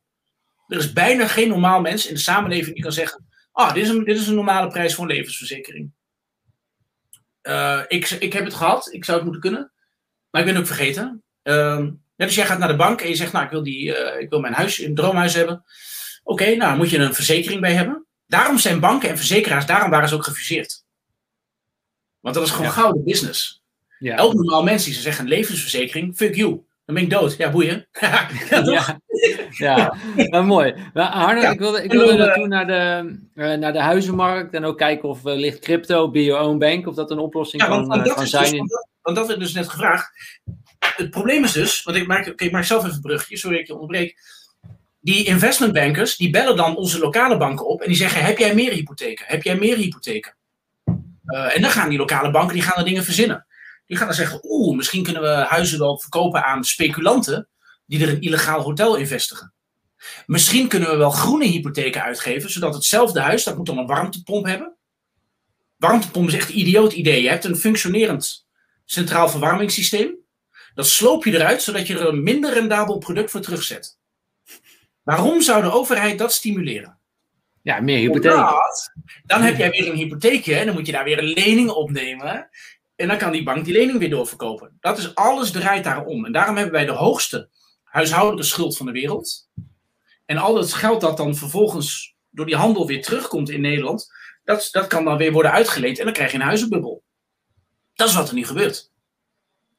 Zo, ja. zo kom je aan die huizenbubbel. En die ECB die maakt dat erger. Ja, want je, je hebt nu de, we gaan nu naar 10, 11 procent uh, stijging van huizenprijzen in, uh, uh, in een jaar. Dus voor gewone mensen wordt dat huis niet meer te betalen. Zij betalen de rekening. Iemand, iemand betaalt de rekening van deze gekkigheid. Ja, aan de achterdeur. Je hebt het niet zo door, maar je geld wordt telkens minder waard. Dat, je ziet het niet, in, in, inderdaad. Maar ik, ik wil zo verder op die huizenmarkt. Maar nog heel even, er wordt altijd gezegd, ja, Nederland is zo'n rijk land, daarom moeten wij ook meer betalen in de Europese Unie. Maar als ik het nu zo begrijp van jou, dan zijn wij als Nederlandse burger zijn wij eigenlijk overgecrediteerd. Hebben wij onwijs veel schulden. Hoe, hoe zit dat bij de Griek en de Italiaan? Hoe, hoe ziet dat uh, eruit? als je het sommetje maakt. Kijk, in, in, Italië is de gemiddelde burger is drie keer zo rijk. Dus als je alle bezittingen en alle schulden aftrekt. Dus in Italië, uh, alleen hoe wordt in, in de Europese Unie wordt er gekeken van, nou, hoe, uh, hè, als er gemeenschappelijk iets moet worden betaald, ehm, dan, ehm, dan, kijken ze, dan kijken ze bijvoorbeeld naar het bruto nationaal product van de bedrijven en de mensen die op een bepaald grondgebied zitten. Alleen ik heb kunnen aantonen in mijn werk dat uh, die, die beroemde witwasbedrijven, dus de, de brievenbusconstructies, die worden in onze uh, bezittingen meegenomen. Dus er zit bijvoorbeeld een, uh, een meneer, daar heb ik heel veel over geschreven, dat is de rijkste man van Oekraïne. Die heeft zijn vermogen in Nederland gestald. Zodat hij, want Nederland heeft eigenlijk geen functionerende rechtsstaat heb je bijvoorbeeld gezien bij die toeslagenaffaire. Dus als je hier gewoon je roofgeld stalt, dan zul je met open armen worden ontvangen. Dus uh, Rinat Akmetov heet hij. Uh, hij heeft heel veel last van mij, van mijn geschreven. Hij heeft een keer een baantje aangeboden of ik dan mijn kop kon houden. Uh, dus moest ik hem gewoon adviseren en dan kreeg je elk jaar een ton. Dat heb ik niet gedaan. Um, maar hij wordt meegenomen als Nederlander. Dus al die brievenbusbedrijven, al die gekkigheid, en dat zijn allemaal schaduwbedrijven natuurlijk, Walmart zit bijvoorbeeld fiscaal ook in Nederland. Maar ja, dat, ik heb hier nog nooit een supermarkt van Walmart gezien uit de VS. Dat wordt ook meegenomen in die statistiek. En als je allemaal dat soort dingen doet, dan is Nederland op papier heel rijk. Terwijl de gewone mensen, die komen om in die hypotheken. Ja. Alleen in dat sommetje wordt er dus gekeken, wat is volgens die methode uh, het bruto nationaal product? Wat is de inflatie in een bepaald land waarbij we huizenprijzen negeren? Als je huizenprijzen wel zou meenemen, dat lijkt mij zeer terecht. Ik bedoel, Huis, een huis is toch je grootste uitgave in je leven? Waarom zou je dat niet meenemen in het inflatiecijfer? Dat is een conventie van statistici uit 18, uh, of, 1983. Die vonden dat dat niet, uh, niet hoefde. Uh, maar ja, als je dus, als je dus een beetje ja, fantasie toepast, dan is Nederland wel heel rijk inderdaad. Maar kijk, in Italië is bijvoorbeeld de overheid, die heeft een hele hoge schuld. Dus in Italië functioneert de Belastingdienst niet. Waardoor burgers ehm, Ehm, weinig schulden hebben. Burgers hebben daar veel vermogen, die hebben lage hypotheken. Ehm, alleen de overheid is op papier heel arm. Nou, dan wordt er in de Europese Unie berekend van oké, wie gaat de rekening betalen? En dan worden die overheidsstatistieken gebruikt. Er wordt niet gekeken naar de huishoudelijke schuld van mensen. Dus in Italië heeft de overheid een hele hoge schuld, maar de mensen zijn heel rijk omdat ze geen hoge hypotheekschulden hebben. En in Nederland is dat andersom. Dus de gemiddelde Italiaan is drie keer zo rijk als de gemiddelde Nederlander. Maar omdat bij de solidariteitsberekening, hè, de grondslag van oké, hoe ga je dan kosten verdelen, daarbij wordt er gekeken naar overheidsschulden en niet zozeer naar huishoudelijke schulden. En daarom wordt er gezegd, Italië is arm, terwijl de, de gemiddelde Italiaan rijker is. Ja, maar wij zijn helemaal overgecrediteerd en zitten in de hypotheekschulden. Gaan we het zo ook even over hebben. Met, en, hoge belastingen en dan krijg je nog die extra Europese heffing erop. Ja. ja. Ja, um, maar, maar de huizenmarkt. Laten we kijken naar de huizenmarkt. Ik weet dat er heel veel kijkers die zijn ook heel nieuwsgierig naar van oké, hoe gaat het met de huizenmarkt? Ik denk dat heel veel mensen op intuïtie ook aanvoelen van hé, hey, dit, uh, dit klopt niet. Nee. Hoe, hoe kijk jij ernaar? Wat, wat is de oorzaak? Gaat het, waar gaat het naartoe en gaat het dit een keer knallen? Kan je, kan je ons ja, daarin in meenemen? Kijk, een vriend van mij is bouwvakker. Hè? Uh, en die, die, die, die, weet precies wat het kost om, uh, een stapel stenen neer te leggen. En uh, hij maakt dan specifiek de kozijnen. Hij snapt hoe dat proces werkt. Dus hij heeft, nou, er zit een hoeveelheid werk in. Uh, de grond moet worden gekocht. De, dus de, je, je, krijgt een vierkante meterprijs simpelweg voor een huis omdat er wat moet, ge, moet gebeuren. En ehm, die, die vierkante meterprijs is ongeveer 900, dus 800 tot 900 euro. Dus als jij een woning wil bouwen van 100 vierkante meter, uh, dat kost gemiddeld 80.000 euro. Dat is de kostprijs van de woning. Ja. In, in Amsterdam zal een woning van 80 vierkante meter, die zal nu voor een miljoen over de toonbank gaan, of anderhalf miljoen. En wat daartussen zit, tussen de kostprijs en, de, en die anderhalf miljoen, ja, dat is gewoon pure winst. En een deel gaat naar de gemeente, want die kan belasting heffen op grond. Want dat is dus het zieke aan zo'n piramidespel. De gemeente weet bij een nieuwbouwproject dat die bank, die komt uiteindelijk, hè, die bank die kan jouw hypotheek doorverkopen aan die investmentbanken die daar internationaal mee gaat handelen. De gemeente weet dat dat systeem bestaat. Dus de overheid die zal jou niet helpen tegen die overkreditering. Maar die overheid die zegt, hmm, deze woning kost 100.000 euro om te maken. Als we mensen zich massaal in de schulden laten steken, dan wordt het misschien wel uh, wordt het verkocht voor het, uh, uh, voor het vijf of tienvoudige. Nou, dan ga ik zoveel belasting heffen. Dan ga ik belasting heffen op die grond.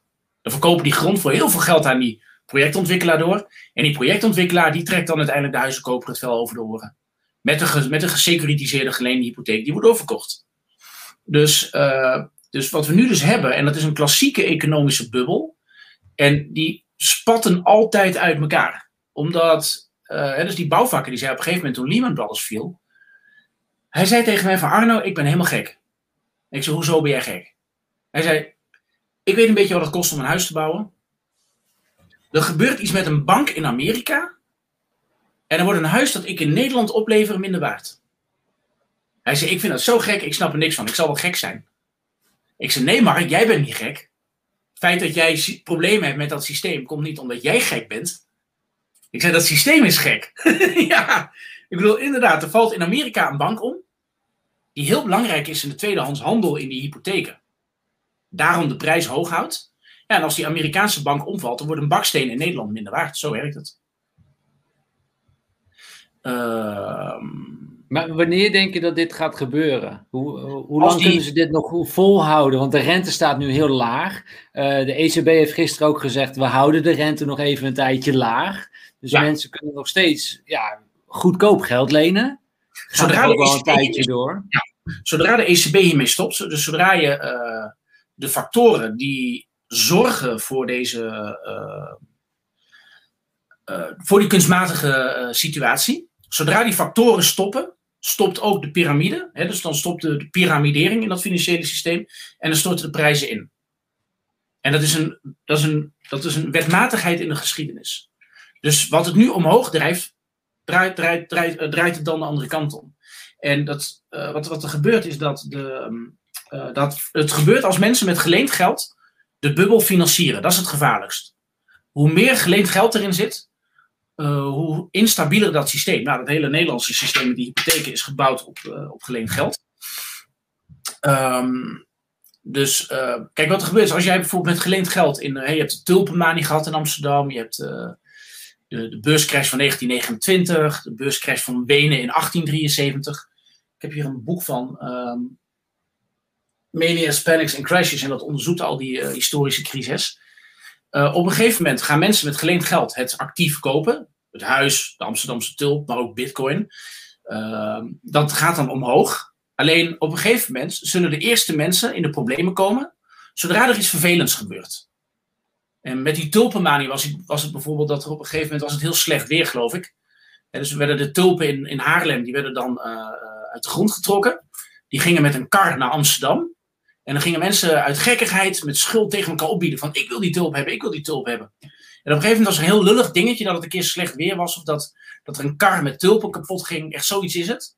Um, waardoor er eventjes geen handel was. Ja. Dus, toen, dus toen was er dus... En dus, in het, en dus net als dat, dat Lehman Brothers valt. Van, oh, we hebben een heel gek systeem. Hè? Iedereen zit elkaar op te naaien. En oh, er gebeurt even iets. Iets heel flauws. Waardoor je een tijdelijke dip krijgt. Als mensen met geleend geld op de top van die dip zitten uh, op de top van de piek en ze krijgen een dip, dan hebben ze op dat moment meer schuld dan bezit. En een aantal mensen zal dan gedwongen moeten verkopen. En dat geldt ook voor huizen. Als de bank erachter komt dat jouw huis zwaar in waarde is gedaald, dan zullen ze je vragen om het huis te verkopen en de restschuld te voldoen. Maar dat is een hard systeem. Dus nou flikkeren ze je huis uit. Banken worden gered door de burger en die banken die zijn vervolgens eh, extreem agressief tegen diezelfde burgers. En wat ik zei, die burgers die pikken dat, die redden die banken gewoon. Maar goed, nou, als Ja, dat wij zijn al die hypotheken aangegaan. Die, die, Wij zijn al die- ja, wij waren zo ja, Maar goed, wij zitten nu dus allemaal in dat systeem. Ehm, dus wat er dan gebeurt is dat dan daalt de prijs een beetje. En dan zullen meer mensen in de paniek raken. En zo begint je, je, je crash. En dat is in 1999 is dat gebeurd met die aandelen. Toen werkte ik dus bij Labouchere. Toen verkocht ik allemaal leningen aan mensen, zodat ze met geleend geld konden beleggen. Toen daalden de koersen van die aandelen heel eventjes.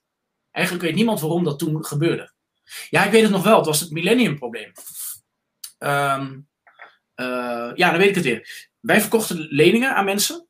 Met die, met die leningen eh, kochten ze aandelen. Toen gingen die aandelen omhoog. Dus er waren er ook mensen die, die belden me op en die zeiden van... eh, wat denk jij dat de aandelen gaan doen morgen? En toen zei ik, ja, de aandelen gaan morgen omhoog. Dat weet ik. Ze zei, oh, je bent heel slim dat je dat weet. Nou, dan wil ik jouw product wel. Alleen wat gebeurde er? En ik deed dat met honderden anderen.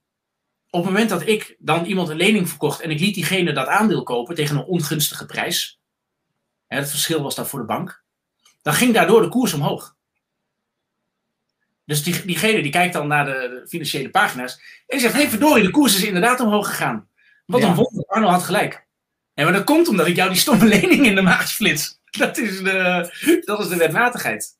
ja En- dat gebeurt dus nu ook met die huizenmarkt. Het Ja. gaat, dit gaat heel de tijd goed, zodat er stel als er maar iemand is die duurder dat huis wil kopen. Hè? En dat, Ja. dat- dat zolang we over blijven bieden. eh, we kunnen goedkoop lenen, maar straks gaat dat kraantje net iets minder. We kunnen Ja. minder lenen. Kunnen we niet meer dat huis kopen voor die top. En zo Dus begrijp ik het goed dat het daar begint. Dat het Daar dan. begint. Ja, dus dat heeft dus niets, dus even om mijn vriend Mark nog te helpen, de bouwvakker. Dat heeft dus niets te maken met de intrinsieke waarde van dat huis. Dus de Ja. waarde van dat huis, dat wordt 100% bepaald door gebeurtenissen op de financiële markten. Dus wat dat betreft, er is ook geen huizenmarkt. Dat wordt dus heel raar. Het is niet zo, het is niet zo dat twee mensen na- voor een huis staan en zeggen: Ja, ik wil het jou verkopen. Goh, wat zijn de specificaties van het huis? Hoeveel komt, kost het om dat te maken? Ten eerste, iemand zal het moeten kopen omdat je anders dakloos bent. Dus dat is ook het antwoord op de vraag die, die net werd gesteld. Ja, waarschijnlijk zul je wel moeten. Huizen zijn schaars, dus je zult moeten overbieden.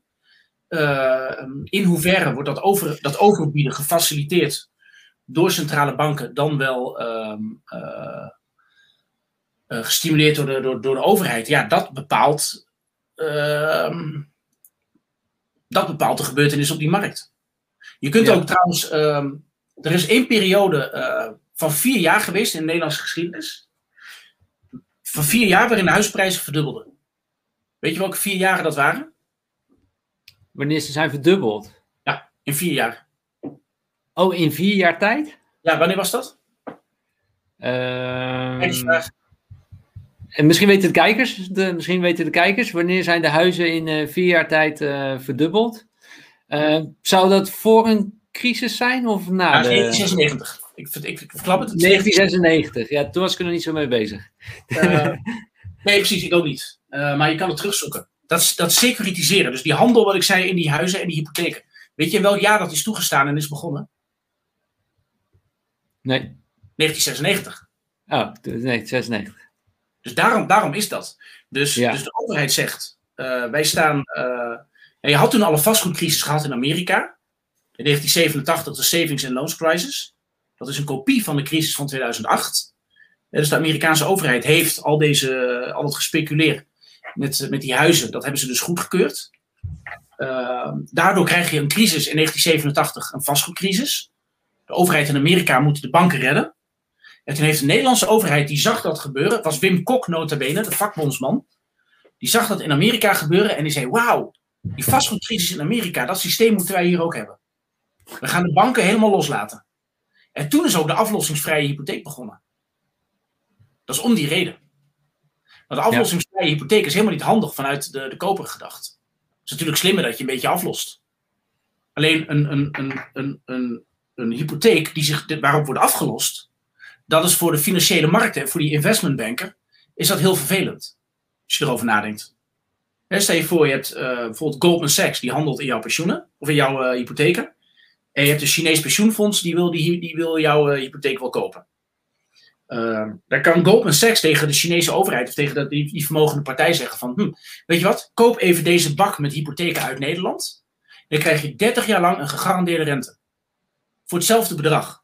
Dus, je moet dus die investmentbanker uit China, die moet dan een gedeelte van het vermogen beleggen. En als hij dan die chunk Nederlandse hypotheken koopt, dan, dan is ja, missie geslaagd. Dan heb je een groot gedeelte van jouw vermogen, heb je gedurende 30 jaar veilig geparkeerd. Tegen een goed, gegarandeerd rendement.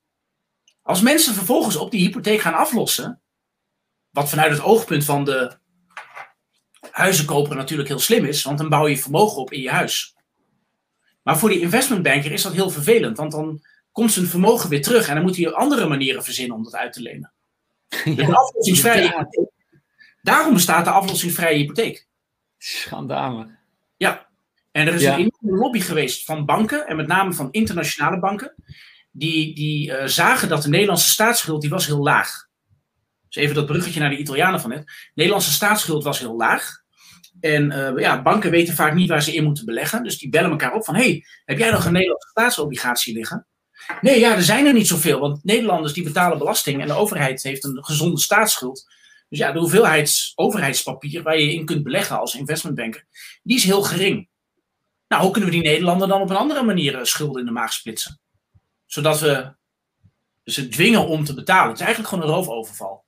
En toen hebben die banken gelobbyd bij Wim Kok. En Wim Kok, de P van de aanbod, de vakbondsman, die heeft toen gezegd: Nou, dan gaan we de hypotheeknormen versoepelen. Dan mag je het tweede inkomen meetellen enzovoort.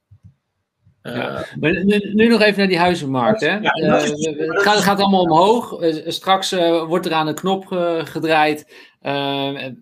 Mensen kunnen minder lenen, kunnen minder betalen voor het huis. Er raakt wat paniek. mensen komen onder water te staan met hun huis. Dan vroeg ik me af voor deze live show van nou, Ehm, ik heb een huis, hij staat onder water. Ehm, maar ik betaal netjes aan die bank. Gewoon, ik betaal iedere keer die hypotheek netjes. Komt die bank dan naar mij toe en die zegt van... hé, hey, je staat onder water, betaal even dat 30.000 euro verschil bij. Of hoor ik niks van die bank? Kan ik gewoon rustig blijven zitten eh, als ik, maar betaal? Dat, uh, kijk, het probleem is dat als dat bij één iemand gebeurt... bij één iemand in de straat bijvoorbeeld... Hè, stel dat één iemand in de straat die... Uh, dat is nu ook zo, hè? ja, als je nu bijvoorbeeld in een straat met huizen staat. Uh, en er heeft één iemand die heeft zijn huis met 100.000 euro overwaarde verkocht. Dan denken al die andere mensen in die straat, die denken, oh dat zou ik ook kunnen. Ja. Dan heeft de hele straat, die heeft magically 100.000 euro verdiend. En als daar 100 huizen in die straat staan, dan is daar 10 miljoen euro aan vermogen gecreëerd. Alleen de Nederlandse samenleving die krimpt, de autochtone beroepsbevolking die daalt. Uh, die is steeds 30% kleiner. Dus je gaat die 100 huizen, ga je nooit allemaal voor die 100.000 euro overwaarde verkopen. Dat gaat niet gebeuren. Dat is heel simpel, omdat dorpen, ja, die lopen gewoon leeg. Zijn niet genoeg, de volgende generatie is nooit groot genoeg. En als er dan, als er dan een huis in waarde daalt, bijvoorbeeld jouw huis, dat staat dan officieel onder water. Stel dat jij het dan verkoopt, bijvoorbeeld, dan ziet de hele straat van, oei, hij heeft het met 30.000 euro onder water verkocht. Dan staat ook ineens de hele straat 30.000 euro onder water. Ja. En dan komt de paniek. Dan kom je in paniek. En dan moeten de banken en de hypotheken en de, de, de, de, pensioenfondsen die die uh, beleggingen bezitten en de beleggers, uh, die hebben dan een, een financieel product gekocht dat risicovoller is geworden. Wat heel logisch is, want dan heb je dus een hypotheek op een onderpand, waarbij de schuld meer waard is dan het onderpand. In plaats van andersom. Ja. Dan, valt jouw hypotheek automatisch in een andere risicocategorie. Het is de Bank of International Settlements in Basel, de BIS, die, die deze normen vaststelt. Dus jij hebt dan een veel risicovollere hypotheek. De bank die jou die lening heeft verkocht, uh, die heeft dan ook een veel risicovoller product. En die moet daar meer eigen vermogen dan aanhouden. Die moet dan zelf meer buffers aanhouden voor het geval jij inderdaad gaat wanbetalen. En als die bank dat moet doen over de hele hypotheekportefeuille, dan is die bank morgen technisch failliet. Ook Rabobank. En zo dus zie je. Wat gaat hij doen? Die komt naar jou en die zegt: Kan je mijn eigen vermogen even aanvullen? Juist hem. Die zal dan, en dan kun je dus, heb je dus weer twee routes. Dan kun je zeggen: Ja, dan moet de overheid de bank maar aanzuiveren. En overheden doen dat. Dat is in 2008 gebleken. Maakt niet uit wat die bankiers uitvreten. De overheid zal het eigen vermogen van de bank aanzuiveren. En dan gaan onze belastingen omhoog. Ehm en dan koop, je, ja, dan koop je dus een stukje ABN AMRO. ABN AMRO is nog steeds voor de helft van de staat. Hè? De, de vorige kredietcrisis is nog helemaal niet afgewikkeld. Dus dan gaat, de, dan gaat de overheid dat weer doen. En een tweede route is dat de centrale bank zegt: van nou weet je wat, verkoop mij die hypotheekproducten dan maar. En waarbij de centrale bank dan dus geld bijdrukt. Die hypotheekproducten, die dan veel risicovoller zijn geworden. Ik denk dat dat gaat gebeuren. Die uh, verkoopt, dus de ABN AMRO verkoopt dan dat hypotheekproduct, met daarin die hypotheken die onder water staan, aan de centrale bank. Maar er zou dus een enorme daling in de waarde van die schoenendozen, van het totale product moeten zitten. Maar dan zal de ECB die, zal die waarde niet in, in rekening brengen. Dat doen ze nu ook niet.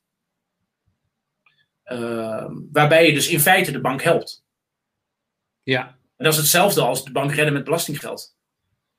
Ja, maar dan krijgen wij de rekening weer gepresenteerd omdat ons geld, geld, minder waard, wordt. Ja. Je geld wordt telkens weer minder waard, zeg maar. Exact, either way you're fucked. Ja. ja, je, je wordt, maar eigenlijk ook doordat wij gewoon heel veel creditering aangaan en dat we per se een huis willen, willen, willen kopen. Um, en eigenlijk meer uitgeven dan we wellicht kunnen, goed voor onszelf kunnen zorgen. Daar worden we ook wel in gestu- gestimuleerd. Uh, zo. Absoluut. Um, ik wil even dan krijg je een bankencrisis. Als je de huizencrisis ja. zou oplossen, dan stort die de bank in. Daarom moet je ook uh, al die stikstofgekte en de, dat we zeggen, ja, klimaat, uh, dus je moet de klimaathypotheek. Wat een gekkigheid, wie bedenkt dat? Maar dat is omdat je dat piramidespel, dat moet je nog even laten doorrollen. Dat is wat er gebeurt. Ja, dus wat jij zegt, eh, dat, dat is even interessant. Dus als we de huizenmarktcrisis zouden oplossen, dan heb ja. je een bankencrisis. Dus, want nu wordt er vaak gezegd van hé, hey, er is een uh, huizentekort, wat ook zo ja. is. Ja. Uh, wordt door de overheid naar mijn mening weinig aan gedaan. Er wordt alleen maar eigenlijk een beetje pesterijtjes naar de be beleggingen wordt er gedaan. De beleggers, uh, die worden allemaal belasting opgeheven. Van jullie, mogen, jullie zijn de schuldigen, jullie mogen ja. niet meer uh, kopen. Maar er wordt ook heel weinig bijgebouwd gewoon. Ja, als je dat zou doen, als je zou bijbouwen en het aantal daklozen is verdubbeld. Als je die daklozen helpt, dan gaat de bank kapot. Hoe, hoe zit dat? Waarom gaat de bank kapot als je huizen bijbouwt? Dat komt omdat uh, die, die, die, die extra stijging van die huizenprijzen, die komt inderdaad omdat mensen wanhopig zijn. Ik bedoel, er werd net ook gevraagd van, ja, moet ik dan een huis kopen? Ja, anders ben je dakloos. Dus uh, dat is een, een, een, typisch prisoners dilemma. Uh, dus voor elk individu uh, ja, kun je maar beter meedoen. Alleen als iedereen zo denkt, ja, het, het prisoners dilemma, dus de, het, het, het economische klassieke free riders probleem. Stel je voor, je hebt, je hebt, je hebt een tram of een bus. Um, en dan moet je betalen. Want anders, ja. Hou jij van betalen? Zou je liever gratis gaan of wil je betalen? Voor wat? Voor openbaar vervoer. Uh... rij, rij je wel ja, zwart? Nee. Nee, ik betaal altijd. Oké, okay, ja, ik, ik rij wel in zwart, gewoon omdat ik het leuk vind. Net een beetje bij de hand gedrag, dan wil ik slimmer zijn. Dan. Ja. Dan wil ik langzaam controle lopen of zo, weet je wel, zonder dat ik betaald heb. En kijk ze me aan en ik zeg, hm, die heeft niet betaald. En dan ren ik snel weg. En dat vind ik gewoon leuk, dat is me verveel. Doe ik eens per maand of zo, weet je. Ik, ik, ik, ik, heb normaal, ik betaal gewoon voor al mijn dingen, maar... Uh, het, het, is net, kijk, als iedereen betaalt voor die tram, of die bus, of die trein, dan kan het kring rijden. Toch? Want ja, de kosten die worden berekend, gedeeld door het aantal gebruikers. Dus iedereen betaalt zijn fair share. Wat ja. gebeurt er nu als jij als enige niet hoeft te betalen? Nou, dan heb jij dat prachtige gratis openbaar vervoer. Uh, ja. Alleen het probleem, dus, dus het, voor jou de optimale situatie is als jij slim bent, jij betaalt niet, maar de rest wel. De rest is wel zo dom. Alleen wat gebeurt er nou? De rest gaat ook zo denken. Dus uiteindelijk betaalt niemand. En daarom heeft het openbaar vervoerbedrijf geen geld en dan heb je ook geen trein. Of, uh, daarom is er een controle. Omdat anders zou iedereen natuurlijk gewoon. Uh, zit iedereen zijn vraag, maar een bedrag dat je zelf wil. Ja, dan doen ze dat niet. Uh, ja. En met is, dus dat is het free rider probleem. Dat is het, een, een letterlijk micro-economisch probleem. Dat dit soort systemen, die dreigen zichzelf kapot te maken. En met die huizen is dat ook zo. Kijk, als je, naar, als je er van een macroniveau naar kijkt. Als we even doen alsof jij en ik Marsmannetjes zijn. En wij, wij, wij bestuderen vanaf Mars de economie van de wereld en specifiek Nederland. Dan zou iedereen, elk verstandig persoon, zou dan zeggen, dit moet je niet doen. Je bent een huizenbubbel aan het creëren. Met geleend geld. Kijk naar de geschiedenis. Hoe vaak is dat fout gegaan? Ja. Van een afstand. Uh, alleen als jij vervolgens als individu, dat is het verschil tussen de groep en het individu. Als jij vervolgens als individu gaat zeggen, nou oké, okay, dan koop ik wel geen huis. Ik wil het goede voorbeeld geven. Ik wil dat we stoppen met deze amorele hypotheekhandel. Ik neem dan wel geen hypotheek. Ja, dan ben je dakloos. dus ja, kun je huren toch? Ja, maar die huren die volgen die uh, koopmarkt. Ja, heeft, iemand heeft het gekocht inderdaad. Dus de, ja, precies. Want, want die, die, die, dus dat is, ik zie ook de vraag meteen ontstaan. Als jij, de, uh, als jij een belegger bent, dan kun je dat huis kopen uh, en gebruik maken van dezelfde woningnood. Dus in plaats van dat je dan de, de koper het vel over de oren trekt en dat je, dat je een paar ton bovenop de vraagprijs gooit, omdat iemand dat uit wanhoop toch wel betaalt, op dezelfde manier zou je kunnen zeggen, nou weet je wat, betaal jij maar 1500 euro voor een, uh, voor een huurfletje. En diezelfde persoon, in, eh, want die door, de, zowel de huurder als de koper, die hebben, die hebben stress. Die moeten overbieden. Dus die huurmarkt, ja. die volgt die koopmarkt. Dat zijn geen onafhankelijke.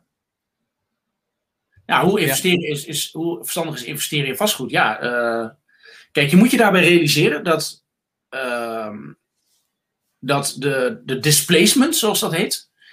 Dus Hyman Minsky, die heeft dit hele, een Amerikaanse econoom uit de jaren 80, die heeft het allemaal voorspeld, allemaal uitgelegd. En dat is de kredietgedreven bubbel.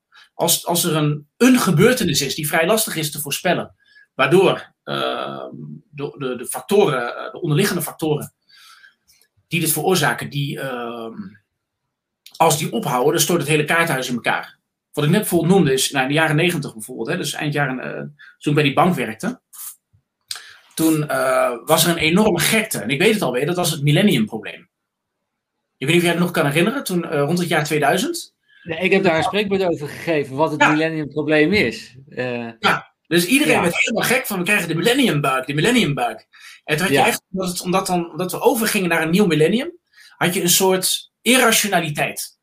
En in de Roaring Twenties had je dat ook. Dat Amerika had de, tweede, of de Eerste Wereldoorlog gewonnen. En toen werd dat, Amerika had door dat ze een supermacht waren. En toen ging iedereen beleggen en daarom gingen de beurs omhoog. Alleen niemand dacht van, tot hoe hoog kunnen die koersen eigenlijk gaan? Dat zijn vragen die je dan niet stelt. Dus dan heb je een soort irrationaliteit. En op een gegeven moment word je daaruit wakker. En wat er in de jaren negentig gebeurde, dus die koersen die gingen omhoog omdat ze omhoog gingen. Dus wij verkochten mensen die leningen. Zeiden van morgen gaan de koers omhoog. Ja, ik geloof je. Nou, namens een lening gingen ze met die lening aandelen kopen, waardoor de koersen inderdaad stegen. En dan belden ze terug. Ze zeiden, ja, je had gelijk, de koersen zijn vandaag weer omhoog gegaan. We moesten kijken naar de AIX van, uh, van, van destijds. Het niveau is nooit meer bereikt. Uh, dan heb je vervolgens het jaar 2000. Dus de doemdenkers die zeiden dat, uh, dat door het millenniumprobleem dat de Amerikaanse kernwapens afgingen in de silo's. Dat soort dingen had je, weet je wel. En dat alle computers zouden op rol slaan. En bedenk het maar, er zou van alles naast gebeuren. Terwijl anderen die waren heel uh, die zeiden van ja, we gaan in, over tien jaar gaan we Mars koloniseren. Want als je kijkt wat de economie allemaal doet en uh, weet ik veel. Dus was een soort irrationaliteit rond dat millenniumprobleem. En ik, ik kan me nog heel goed herinneren. Toen was het oud en nieuw. Toen was ik met wat mensen was ik champagne aan het drinken. Dus iedereen zei, oh, het gaat nu gebeuren. We gaan nu het nieuwe millennium in. En stond daar met de champagne en toen... Ja, dat is eigenlijk al wel... Ja, het is een beetje, een beetje een anticlimax, maar er gebeurde helemaal niks. Toch? De, ja. Dus, dus die, die, die, kernwapens zijn niet afgegaan. De Millennium Bug was 0,0 waar. Er was niets aan de hand. Maar die irrational exuberance, die was er dus ook niet meer. Dus mensen gingen weer normaal doen. Die zeiden, hé, hey, ik heb eigenlijk nog dezelfde zorgverzekering. Dat is een procentje bijgekomen. Hm, moet nog naar hetzelfde saaie werk. Ik heb nog hetzelfde lelijke wijf, bij wijze van spreken. Of lelijke gozer. Uh, dus het leven ging gewoon weer zijn gangetje. En wij merkten dat dan ook. Toen gingen we mensen daarna weer opbellen. Zeiden van, hé, hey, wil je nog aandelen kopen? Want uh, ja, de koers gaan door het dak en uh, weet ik veel. Dan wilden de mensen dat niet meer. Toen was, de, was de gekkigheid, die was eraf. En toen hadden we een tijdelijke dip in, de, uh, in het aantal nieuwe aanvragen van die producten. Daardoor begon de AIX te dalen. Daardoor waren de mensen die een beetje zenuwachtig werden en hun pakketten vervroegd aflosten, wat nog meer daling veroorzaakte. Toen waren de mensen die daadwerkelijk onder water kwamen, omdat hun aandelenportefeuille minder waard was dan hun lening. Dus die kwamen dan direct bij bijzonder beheer verkopen ze het nog meer, krijg je slechte berichten gaat, en dan krijg je een recessie. Zo gaat ja. dat. Ze doen het zichzelf, doen helemaal zichzelf aan. Dus, uh, um, um, dus je, moet je, je moet je ervan bewust zijn dat er een displacement komt. En een heel logisch verschijnsel is dat de centrale bank zou zeggen: um, uh, we gaan de rente tijdelijk verhogen. Bijvoorbeeld. Dat de centrale bank ziet dat dat ze die middelen die ze hebben, dat ze die zo massaal inzetten, dat die niet meer werken en dat ze tijdelijk willen stoppen. Op het moment dat ze dat doen, bijvoorbeeld even de rente verhogen, dan krijg je direct problemen op je huizenmarkt. En dat zullen ze een keer moeten doen. Uh, maar wanneer dat is, daar wordt nu over gesproken. Ik weet binnen centrale banken dat ze erover hebben. Uh, en als ze dat doen, dan komt dat ineens boem vanuit het niets. Dus je moet mensen niet de kans geven om erop te speculeren. Ja. Dat is, dat is centraal, daarom werkt de centrale bank. Dat is ook geen democratie. Ik zeg daarna meteen... dan, dan, komt dat als een uh, onverwacht iets voor ons. Ja. En dan heb je met je huis onder water. Ja. Word, je, word je gedwongen om je huizen wellicht ook te verkopen. Banken gaan bij je aankloppen. Um, en, en, dit, ik wil eigenlijk het bruggetje even naar de... Wat zei je? En wanneer zoiets gebeurt? Het is de gorilla, de centrale bank gorilla, wanneer dat... Ik heb geen idee. Ja. Ik kan dat niet voorspellen. Maar, ik, wil, ik, zat, ik zat er dus over na te denken van oké, je, hebt, je hebt de oplossingen gegeven hoe de overheden de, de banken zouden kunnen redden en daar het eigen vermogen kunnen stimuleren. Maar wat nou in de trant van de Great Reset? En um, ja, you will own nothing, but you will be happy. Nou, Mensen zijn in paniek, staan onder water met hun, uh, met hun huis. En dan komt iemand, die zit in de stress, financiële stress, en dan zegt de overheid: Weet je, geef het huis maar aan mij. En je maak je niet meer druk over de hypotheek. Zou dat een vorm zijn hoe ze de Great Reset kunnen, kunnen implementeren? Kijk, uh, uh, kijk die, die, al die dingen die nu gebeuren vanwege corona, ehm, die, die hebben betrekking op het oplossen van die financiële problematiek. Bijvoorbeeld, uh, ik maak er nu een stukje over toevallig. Ik vind het wel schandalig. Is dat vorig jaar, in 2000, uh, eh, dus juni 2020, had je die discussie over het Europese reddingsfonds. Vanwege corona. En dus moest er eurobonds komen, een, eh, een, Europese obligatie. Ja, dat ding is nodig omdat, een, omdat je de, als je de euro wil redden, dan moet je dus financiering hebben. Dat is niet zozeer dat dat nodig is vanwege vaccinaties of het virus of weet ik wat. Nee, dat is gewoon een nodig onderdeel van Ehm, van, van, van, van de e-muntunie. Nou, toen had je op een gegeven moment uh, die discussie over. Uh, ja, nou, moet, moet dat dan komen? En Nederland lag toen dwars. Kun je het nog herinneren, een jaar geleden? Ja, ja, ja, zeker. Nou, dat niet of zo. Nou, als je nu gewoon op de website van de Europese Commissie kijkt, dan staat er van, ja, ze hebben de Vaccine Alliance. En dat is dat ze dus ook voor heel veel andere dingen, zoals polio, weet ik wat, willen ze een wereldwijde campagne. Um, en een organisatie die dat gaat doen, is de Vaccine Alliance, de WHO zit erin en Bill Gates en uh, ja, gewoon mensen die dat, die dat een beetje financieren. Nou, hartstikke leuk, hartstikke mooi. En er staat er ook bij van de Europese Commissie, de Europese Unie, wil zelfstandig als regering optreden en 300 miljoen euro in dat fonds stoppen. Maar dat kunnen we alleen doen als Nederland akkoord gaat met eurobonds. En er staat er ook bij, en als wij dat doen, gaan wij 8 miljoen kinderlevens redden. Dus wij zeggen, dus er is nu een discussie over, komen die eurobonds? De Europese Commissie zegt, wij zeggen 300 miljoen euro toe aan de Vaccine Alliance, zodat wij 8 miljoen kinderlevens kunnen redden. Maar ja, dat doen we enkel onder de voorwaarde dat Nederland buigt. Een soort vaccinatie, uh, morele chantage is dat.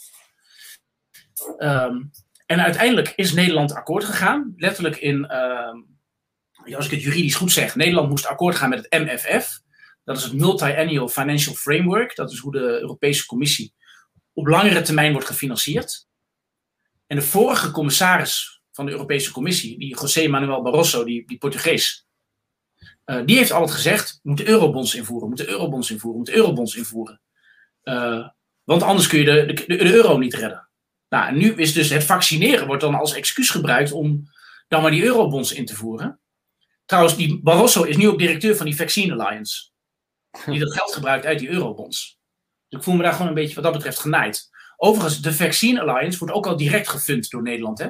Nederland geeft al 300 miljoen euro aan, de, aan die instelling. Omdat je inderdaad die, die wereldwijde campagne wil opstarten. Als je daarmee kinderlevens redt, ja, dan moet je dat natuurlijk doen. Dus Nederland geeft dat al. Alleen de Europese Commissie wil daar nog een bedrag overheen doen. Rekent dan alle effecten naar zichzelf toe van nee, maar dan redden wij natuurlijk die 8 miljoen kinderlevens. Dus een waanzinnig aantal. Het is wetenschappelijk ook helemaal niet, niet, niet hard te maken. Wat er dan inderdaad gebeurt is dat de Europese Commissie, dat wordt dan een soort regering. En dan staat er ook op de website van de Europese Commissie van nou, Nederland kan akkoord gaan met dat MFF, dat, dat, dus dat lange termijn financiële kader. Ehm, en als je dan gewoon daarop klikt, dan staat er van ja, nou de manier waarop wij dit doen is al in 2013 besloten. Dat was een hele grote eurotop in 2013. Weet niet of je dat nog kan herinneren. Dus Mark Rutte die zei bij de verkiezingen van geen cent meer naar de Grieken.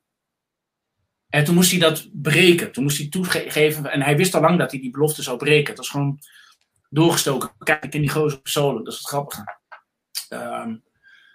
Ehm, dus toen is er een hele grote eurotop geweest. Waarbij er werd gezegd van ja, we gaan wel nog meer geld aan de Grieken geven. En, ehm, en die eurobonds die komen er op termijn. Toen is er een hele structuur bedacht hoe dat moet gaan. En hoe je dan banken kunt redden.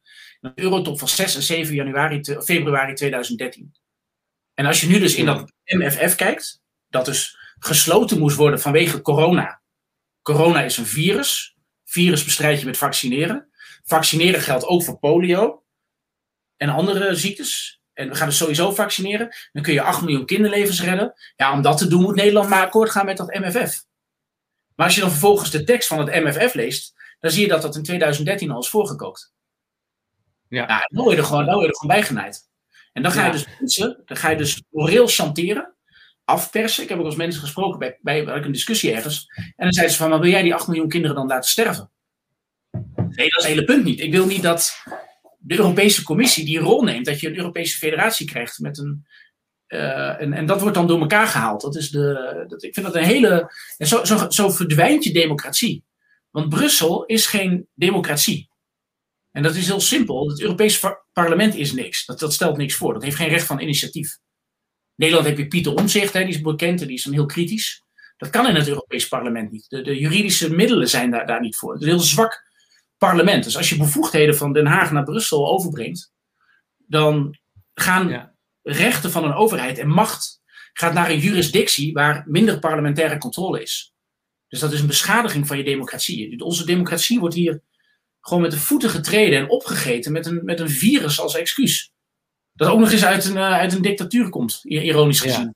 Maar, dat, dat maar Arno, ik, ik, weet bij de, bij de kijkers speelt enorm de, de, de Great Reset. En ook, uh, ik heb nu een huis en, en, ik, heb, ik heb nu een hypotheek. Kunnen ze dat zomaar afnemen? Waar, waar loop ik risico? Hoe, hoe kan ik mezelf hier tegen beschermen? Daar zijn ze heel nieuwsgierig naar. Kijk, als je in het lichaam. Kijk, dat hele Great Reset gedoe, dat is feitelijk dat we gewoon hogere belastingen krijgen.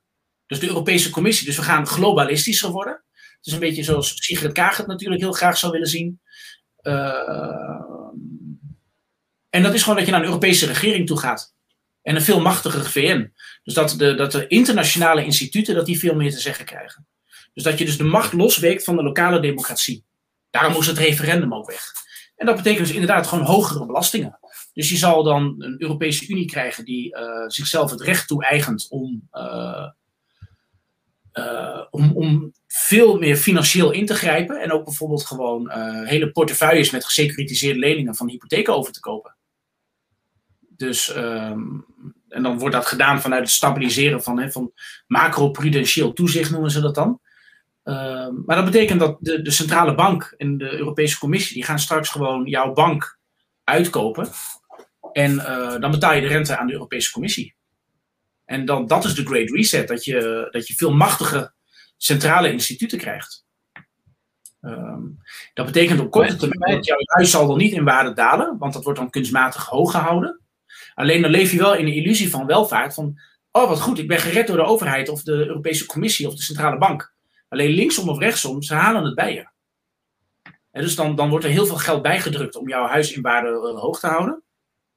Uh, dan denk je, hé, hey, mijn huis is nog heel veel waard. Alleen ja, je geld is wel in waarde gedaald. Het, je, je, kunt, je kunt geen waarde vanuit het niets creëren. Ja. maar, denk, denk je niet dat ze een uh, universeel basisinkomen willen implementeren? Ja, de, met, de, met de Great Reset. Omdat ook gezien de robotisering, wellicht voor alle mensen is er ook gewoon geen werkgelegenheid straks meer. Kijk, dat, dat wordt altijd gezegd. Er zijn heel veel banen. Uh, bijvoorbeeld zorg. Je gaat in, op een gegeven moment zal een kwart van Nederland in de zorg moeten werken als de vergrijzing zo doorgaat. Dus er is echt nog wel genoeg te doen met de handjes. Uh, alleen dan moet, dat, dan moet, dat, moet die baan wel zoveel opleveren dat, dat je daarmee die hypotheek kunt, kunt, kunt betalen. Dus de samenleving, dat is mijn dysto dystopische visie, sorry dat ik het zeg, is dat je dus naar een samenleving toe gaat waarbij die centrale instituten die ondemocratisch zijn. dus het is de Sigrid Kaagwereld. Die gaat dan namens de Europese Commissie uh, iets doen bij de VN of zo. Dat is helemaal losgezongen van de burger, die heeft daar niks meer over te zeggen. En daar worden dan de grote financiële beslissingen gemaakt. Ja. Worden gezegd, nou, iedereen krijgt een, een klimaathypotheek of zo. En dat zal dan die huizenprijzen kunstmatig hoog houden. Waardoor mensen het nog steeds moeilijker kunnen krijgen. En ook gewoon stoppen met het krijgen van kinderen. Dat is al een meetbaar verschijnsel. En dan sterven we gewoon een beetje uit. Dan ben je van je democratie af. En, en we nemen dus minder kinderen, omdat ja, de, de hypotheek is al hartstikke hoog. We kunnen het maar net financieel rondbreien. Laat ik nog maar even kinderen uitstellen. Meetbaar verschijnsel, ja. En dat gaat schrikbarend hard. Ja. Je kunt gewoon de fertiliteitsgegevens kun je, kun je opzoeken. En ik ken ook heel veel mensen in mijn omgeving. Uh, ik ben er bijna zelf een, zou, zou ik bijna willen zeggen, maar dat even los van mij. Maar ik ken heel veel mensen die zeggen, nou, we hebben één kind in een huurflat of zo, weet je wel, met één extra kamertje. En dan zeggen we zouden nog een kind willen, willen hebben, maar we kunnen het huis niet financieren. Dus dan wordt dat, kind, dat tweede kind wordt uitgesteld en uitgesteld en uiteindelijk komt het nooit meer. Ik, ken, ik kan zo twintig stellen opnoemen waar dat voor geldt. Ja, en, maar dus eigenlijk het probleem zit eigenlijk gewoon al in het begin. Hè? Weet je, de, de, de geldcreatie, de manier, we hebben het beschreven hoe dat werkt. Um, daar, daar, zit gewoon een groot uh, probleem. Uh, hoe kijk jij dan naar bepaalde zaken die de overheid niet kan bijdrukken, zoals grondstoffen, goud, zilver? Ja, nou ja, voor, ja. vastgoed, maar ook bijvoorbeeld Bitcoin. Bitcoin is juist heel erg gelimiteerd, 21 miljoen. Er komen er niet meer van.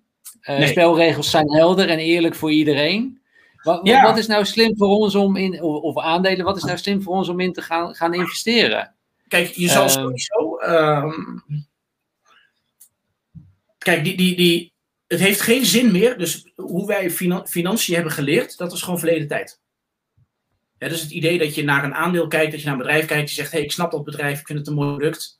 Um, dat je, dus met de contante waardeformule die we bij financiering hebben gehad, dan kun je gewoon uitrekenen wat zou eh, afgaande van de dividenden, wat zou een redelijke prijs van een aandeel moeten zijn? Vaak is een koers-winstverhouding van 10 of zo. Dat was, dat was normaal.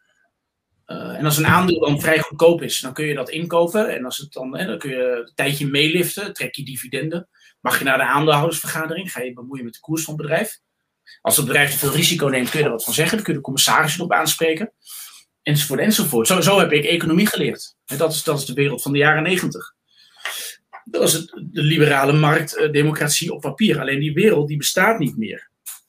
We leven nu in de, in de wereld van, ja, van de beursgorilla. En dat is de centrale bank. En dat zijn, en dat zijn, dat zijn, dat zijn overheden die op een gegeven moment ineens iets doen waardoor er wat gebeurt.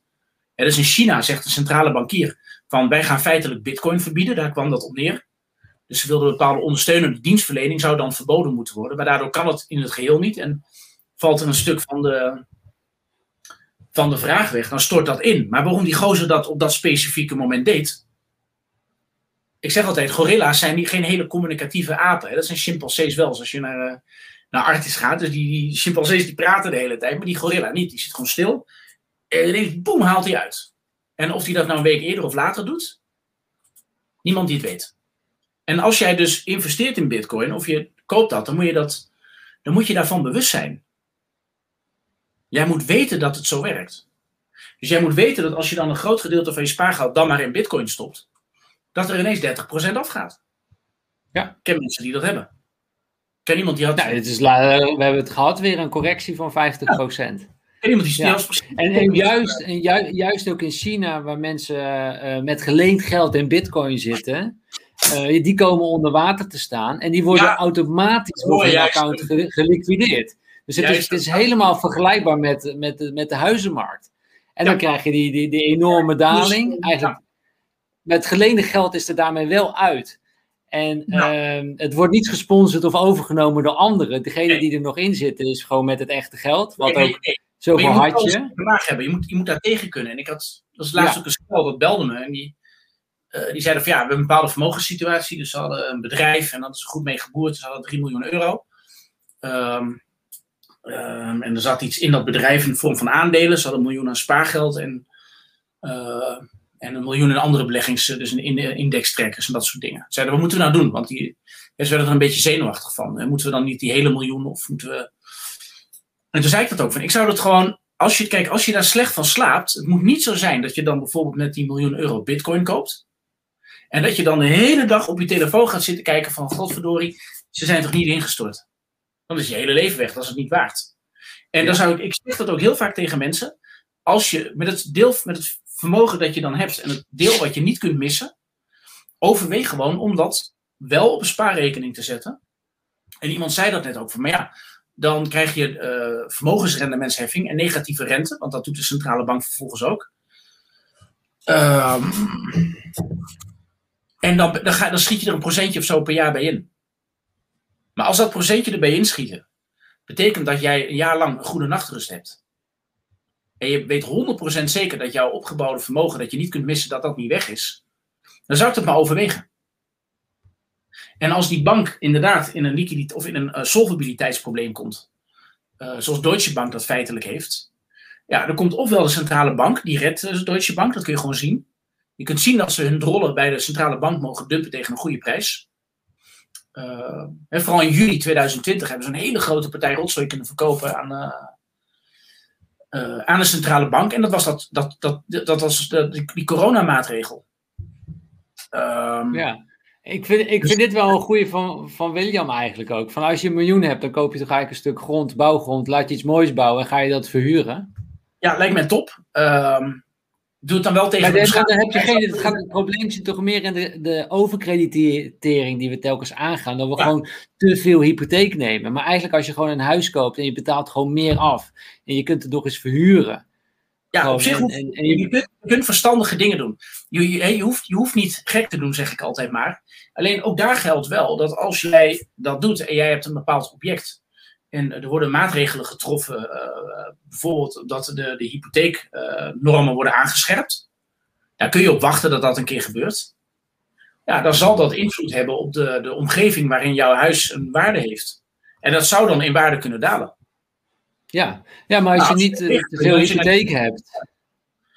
Dan, dat, dat is zo, maar dat is dus wat ik zeg. Je, je moet, de, je moet, je moet in, in dit tijdsgevricht je moet accepteren dat. Um, um, dat heel veel fundamentele factoren, zoals we dat vroeger noemden. dus dat hele, dat hele model, dat je een fundamentele analyse maakt van bijvoorbeeld een aandeel of een vastgoedproject, dat, dat is weg. Dus je hebt centrale banken en overheden die hele extreme dingen moeten doen om de boel bij elkaar te houden. Bereid zijn dat te doen. En dan heet het een great reset of dan wordt corona als excuus gebruikt. Maar in feite ben je gewoon een failliet financieel systeem aan het redden. En daar komt af en toe iets uit en dan gebeurt er af en toe iets. En dan wordt er inderdaad af en toe gezegd van hé, hey, we gaan bitcoin verbieden. Of er zal op een gegeven moment zal de aflossingsvrije hypotheek toch worden verboden. Ik noem maar wat. Nou, dat zal dan denk, je, denk je dat landen bitcoin gaan verbieden? Ja, tuurlijk. Bitcoin gaat eraan. Ja, dat is jouw. Ja. Uh... Kijk, de, uh, uh, kijk wat, die, wat die centrale bank doet. Um, centrale banken zijn op papier ehm, onafhankelijk heet het, politiek onafhankelijk. Dat is niet waar. In, in Nederland werd bijvoorbeeld uh, Lex, of uh, niet, nou Lex dus niet, maar uh, Klaas Knot, die werd dan president van de centrale bank. Maar die is gewoon heel goed met, met Rutte. Dat is ook een hele lieve Slaafse man eigenlijk. Zo nooit een grote muiltrekker en, en die, en die ligt gewoon, dus gewoon een ambtenaar die gewoon braaf doet wat, wat er van hem wordt verwacht. En die, die, die, die, ja, de, de, de, politiek heeft ervoor gekozen om, um, om hem daar neer te zetten. En de centrale bank doet ook allemaal dingen die. Ik ga, ik op je vraag in, Jacco, dat is eigenlijk dit. Um, uh, wat, wat de centrale bank nu doet, dat heet seniorage. En dat is eigenlijk dat je dus de bestaande geldhoeveelheid, dat je die verwatert, uh, zodat je de, de, de, tekorten bij de overheid kunt dekken. Dus stel, um, stel, stel dat, dat we een overheid hebben in een, in een dorpje. en er, er zijn 100 zilveren munten in omloop. En uh, eh, 50 van die zilveren munten, um, die, uh, die zijn bij de overheid. En 50 van die zilveren munten die zijn bij het publiek. Zijn verdeeld over 50 mensen. En die gaan van hand tot hand. En uh, nou, op een gegeven moment zegt de overheid, weet je wat? Elke zilveren munt die ik in mijn knuisten krijg, die knip ik door midden, maak ik twee munten van.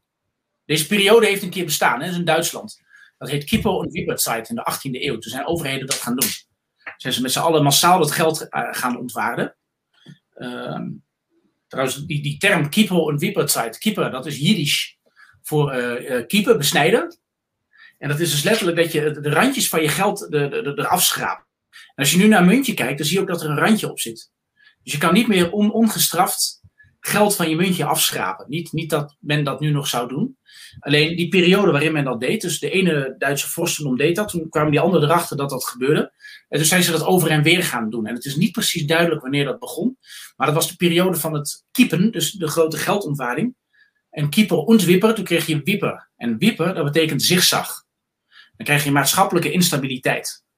Toen kreeg je oorlog, kreeg je de 30-jarige oorlog. En toen zijn er gebieden in Duitsland geweest waar 20 tot 30 procent is ontvolkt door het geweld en de hongersnood. Dus daarom onder economen en historici, er is ook een les, hè? Keeper und Wipperzeit. Als je je geld gaat ontwaarden, dan pak je mensen hun bestaanszekerheid af. En uh, dan krijg je dus uh, hoge mate van geweld. En Duitsland heeft, had daar dus in 1929 hadden ze die les kunnen trekken van hé, hey, wij zijn het land van Keeper und Wipperzeit, wij moeten geen massale inflatie toestaan. Want dan krijg je sociale onrust. Nou, die, die waarschuwing is genegeerd met bekende gevolgen. En dat gebeurt nu dus weer. Nou, wat zou alleen die overheden en centrale banken, die doen feitelijk aan kiepen. Precies wat die vorstendommetjes in Duitsland. Je, hebt, je pakt het bestaande geld en je verwatert dat. En destijds heette dat seniorage, wat je dus bijvoorbeeld kunt doen. In dat voorbeeld met die, eh, met die, met die 100 zilveren munten. Stel je voor dat de overheid, die, uh, die geeft zichzelf het recht om, uh, uit die, uh, om nog 100 munten bij te drukken. En dat doen ze simpelweg door de bestaande zilveren munten die er zijn, door midden te breken, om te smelten. Nieuwe munt van maken. En dan zeggen ze, ja, het is dezelfde munt, alleen hij is ietsje minder waard. Hij is iets kleiner. Ik bedoel, maar je kan er nog hetzelfde mee kopen. Stel dat iedereen dat eventjes accepteert. Nou, dan heb je op een gegeven moment, ja, dus de verhouding was 50 euro, 50 munten bij de overheid, 50 munten bij het publiek. Je hebt nu 100 munten bijgedrukt. Die natuurlijk wel de helft nog maar waard zijn. Alleen de overheid heeft al die 100 munten in zijn bezit. Dus seniorage betekent dat de overheid in dit geval, of de centrale bank, die heeft 100% van het voordeel van het bijdrukken van het geld. Terwijl ze maar de helft van de inflatie over zich heen krijgen, omdat ze de helft van het oude geld hebben. En je hebt nu namelijk 150 munten, of sorry, 200 munten, waarvan er 50 bij het publiek zijn en 150 bij de overheid. Dus per saldo is de overheid rijker geworden ten opzichte van het publiek. En dat heet seniorage, en dat is door de hele geschiedenis heen een manier waarop overheden, al dan niet via onafhankelijke centrale banken, hun tekorten kunnen dekken. En als je een, een alternatief betaalsysteem zou hebben, dan pak je de, het monopolie op geldcreatie van overheden pak je af. Dan gaan ze niet goedkeuren. Ja, maar dan ga jij er meteen vanuit dat Bitcoin het alternatieve betaalsysteem ja. gaat worden. Waarom kan Bitcoin niet hetzelfde als het digitaal goud zijn en gewoon een, een waardeopslagmiddel? Um, omdat die, die, die overheid, die moet die waardeopslag, die moet, dat, die moet daar een monopolie op hebben om seniorage te kunnen uitoefenen. En het is ook geen toeval dat bijvoorbeeld in China, dat is natuurlijk gewoon een dictatuur. Tuurlijk gaan die dat niet toestaan dat hun mensen vrij worden.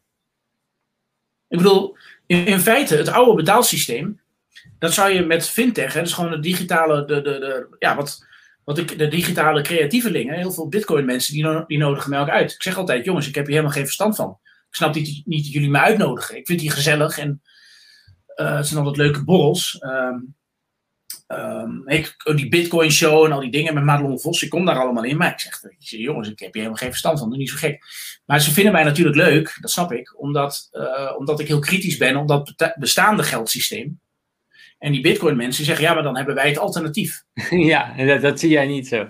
Ja, nee, jij, de, de, de overheden en banken gaan het gewoon niet toelaten. Dat is wat anders. Ik ben dat met ze eens. En, en dat is ook de hele cultuur die er ook omheen hangt. En daarom vind ik, ik vind het ook een hele leuke en gezellige en sympathieke beweging. Alleen je ziet wel aan het monopolie van overheden en centrale banken om geld te scheppen, daar zit je aan te tornen. Ja, dat, en zij hebben de macht. En zij hebben de macht, maar dat pak je dan van ze af. Ja, nee, dus dat, dat, dat, uh, dat gaat een renaissance worden. Dat gaat, uh, ja. ja. Dit, maar dan zijn wel je Moet, moet je je voorstellen dat je straks een, een digitale wallet hebt, uh, waarbij je een waardevaste crypto hebt. Dus dat er, en dat is een, een, een, volgende stap, dat, er, dus dat je gewoon een tegoed hebt op een crypto-rekening, waar je dan niet eens bitcoin mee koopt. Maar je zou eventueel dat wel kunnen doen of niet. Maar iedereen heeft gewoon een pasje met een digitaal saldo. Uh, dan ga je toch meteen al je spaargeld bij Deutsche Bank of weet ik wat weghalen. Met die negatieve rente. Nou ja, maar die munt is er al, hè? Ja, dat, dat, die, dat- die digitale cryptomunten, je hebt gewoon stablecoins, die staan gewoon één op één gelijk aan de dollar of aan de euro. Die, die is er al. Ja. En dan bewaar je het gewoon in je eigen wallet, maar niet meer bij de Deutsche Bank. En sterker nog, op die Nee. munten krijg je 10% rente per jaar. Nou, dat systeem, ehm, als dat be- be- beter begint te functioneren en dat wordt groter en er gaan meer en meer mensen hun spaargeld weghalen Ja, eh, bij, die, bij, die, bij die banken, dan, dan, dan is de centrale bank die is dan een aantal machtsmiddelen kwijt en de overheid ook. Nou Ja. kun je bijvoorbeeld dat, dat, eh, dat hele trucje met die hypotheek en het securitiseren, dat werkt dan niet meer zo. Ik bedoel, waar, waar komt dan het geld vandaan om die mensen nieuwe, veel te hoge hypotheek in de maag te splitsen? Dus dat. Ik zou, ik zou het heel sympathiek vinden hè, als iedereen gewoon. zijn geld weg zou halen bij de banken en gewoon Ja. in een wallet zetten. De, de techniek is er al. techniek Dan ben is je er ste- Ja, één op één gelijk aan de dollar of aan de, aan de euro. Het is Ja, al. alleen mensen die hebben een bepaald eh, veilig gevoel bij banken. Dus die. ehm, ehm, er is Ja. dus, eh, de- de- maar er, er komt een moment dat, dat de, de, de, de outflow, dus wat er dan weggaat uit dat reguliere financiële systeem, dat dat significant begint te worden. Dus dat, je- als je nu bijvoorbeeld naar de, eh, naar, naar de balans van een bank kijkt, bijvoorbeeld van ING, dan zie je dat hun. eh, eh, sinds corona is hun overtollig kasgeld, dat is verdubbeld. Dat is gewoon een post die daar staat, overtollig kasgeld. Dus ze krijgen wel het geld van de ECB, maar ze weten niet aan wie ze het moeten uitlenen. Omdat ze met die oude hypotheken zitten. Hè. Ze hebben net de hele samenleving al die veel te hoge hypotheken in de maag gesplitst. Dus dan kun je niet daarna ook nog eens een kredietje verstrekken voor een bedrijf. Dat is waarom we ook niet uit deze ellende komen en onze economie ook stagneren. Dat is een zichtbaar verschijnsel, met name in Zuid-Europa. Als je opnieuw zou beginnen en je zou dat oude bankwezen vaarwel zeggen, omdat mensen daadwerkelijk naar een veilige waardetoeslag opgaan, eh, dat ze dat, dat gaan opzoeken, dan gaan die oude banken kapot. En de vorige keer werden ze ook gewoon gered. Wordt altijd gezegd in het geval van Griekenland: van ja, we hebben de Grieken geholpen. Dat is niet waar. Wij hebben de Grieken geholpen om hun leningen bij BNP Paribas en eh, Deutsche Bank af te lossen. In feite is die hele operatie is gewoon, dat, zijn, dat is gewoon banken redden. En in Nederland. Ja, kijk, en eigenlijk zijn die banken gewoon failliet. Hè? Ook al red je een Ja. bank, ben je, eigenlijk is de bank gewoon failliet. Anders hoef je hem niet te redden natuurlijk. Waarom denk je dat die koersen zo laag staan? Ja. Eh, Arno, als, als, even... als dat gebeurt, dan die overheden die zullen dus nooit een alternatief staan. Dat is mijn voorspelling. Ja. Zodra het te groot wordt en zodra het macro, op macroniveau significant wordt en je begint daar toch wel op een gegeven moment te komen. Ehm, er zijn ook wat schandalen rondom Bitcoin, er zitten wat oplichters tussen. Het is, je ziet die enorme koersdalingen. Maar als, je de, als, als de digitale wallet, dus de, de, de rekening die je hebt bij zo'n Bitcoin aanbieder, en maar je koopt dan niet daadwerkelijk Bitcoin, maar je, je stalt daar alleen je geld tegen 0% rente in vergelijking met negatieve rente bij de centrale, bij de, bij de gewone banken. Er komt een moment dat mensen dan maar dan heb ik dat liever tegen 0% rente dan tegen negatieve rente. En zodra die banken dat gaan zien, dan gaan ze huilen bij de centrale banken. Centrale banken staan officieel los van overheden, hebben daar niets mee te maken, maar, dat is- maar die bellen elkaar natuurlijk wel degelijk achter. En dan komt er gewoon wetgeving, dan wordt het tegengehouden. Dan kun je wachten. Ja. Overheden zullen nooit toestaan dat het speeltje van seniorage, dat het van ze wordt afgepakt. En dat blijkt uit de, de hele geschiedenis. Ze zetten geweld stoppen. Ze gaan het niet toestaan. Nee, dat, dat zie je ook. Ze komen dan, overheden zullen straks met een eigen cryptomunt komen. China, Europa, Nederland en zo. Maar wat er telkens weer zit. Maar wat er telkens weer zit in die cryptomunt, is dat ze zij het beheren en het zij kunnen bijdrukken en zij kunnen het uitgeven aan wie zij bepalen. Maar en dat is nou net het, ja, en dat is nou net het tegenover. Als ze nou, kijk, ik denk als ze met een munt zouden komen eh, die ook schaars is en waar de spelregels helder zijn voor iedereen, dat de burgers dat eh, naartoe zouden gaan, maar dat, dan, dan, dan heeft Bitcoin geen bestaansrecht meer, zeg maar. Nee. Ja, Maar alleen dat Bitcoin is decentraal nog, het is van niemand. Dat is Maar het kijk, enige die- nog. Die, Maar dat zullen de overheden nooit doen. Nee, wat is een serieuze, leuke, werkende, functionerende digitale munt als alternatief Ja. voor geld dat je nu hebt. ehm, dat haalt macht weg bij centrale banken. Dus de variant die de centrale bank zelf maakt, ehm, zal dat niet faciliteren. Je gaat, je gaat niet de, de invasie op je eigen grondgebied financieren. Nee, Ja, nee. nee dus, dat dus alles, wat die, wat, alles wat de centrale banken daarmee doen, dat is om te zieken. Ja. Uh, laten we even kijken, het laatste rondje doen bij de, bij de kijkers. Ja. Uh, en we hebben eigenlijk nog één ding niet uh, besproken, Arno. En dat zijn eigenlijk die drie dronken, dronken vrouwen. Wie zijn de drie dronken oh, vrouwen? en als er eentje valt, vallen ze allemaal. Ja, de, de, de, de drie dronken, de Britse skanks, zoals, zoals het heet op het Leidseplein. Kijk, wat je nu, de, um, wat, je, wat je nu ziet is dat en bijvoorbeeld met die huizenprijzen, daar begon dat, dat is de instabiliteit. Dat is dat overheden, die maken beleid waardoor je schaarste hebt, dan wel uh, soepele leennormen. Dat houdt die prijzen hoog. Um, hè, dus dat, dat stikstofgedoe bijvoorbeeld, dat is echt. Uh, weet je, gaat stoppen met bouwen vanwege stikstof. Ik probeerde dit laatst aan een Franse journalist uit te leggen in Frans. Stikstof in Frans is azote.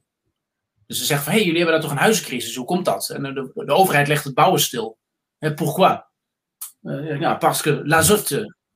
Dus die, journalist kijkt mij en zegt, je bent niet helemaal goed. Azote is een stofje, dat zit in de lucht. Uh, ja, maar daarom gaan wij onszelf, gaan wij een, een, dakloze probleem, gaan wij vergroten vanwege een stofje in de lucht. Dat is echt van de zotte. Maar dat is, dat is de ene pijler. Dat zijn overheden die dus beleid maken, waardoor die prijzen hoog zijn. Um, dan heb je de centrale banken die waar nodig dat ondersteunen door, um, door in um, door, door, bijvoorbeeld tegen marktpartijen te zeggen, nou, zeker bij ons dumpen als ze niet goed zijn. Dus vanwege corona, zoek het op op de website van de Europese Centrale Bank bij de Frequently Asked Questions over QE. Dan staat er van ja, we hebben nu het ABSPP, dus het opkopen van uh, bestaande hypotheken. Dat doen we ook als er nul rente uitkomt. En waarom komt er nul rente uit bepaalde hypotheekproducten? Omdat de mensen om wie het gaat, die zijn al lang failliet. Zolang je, zolang je dat blijft doen, zullen banken doorgaan met veel te riskante hypotheekproducten maken.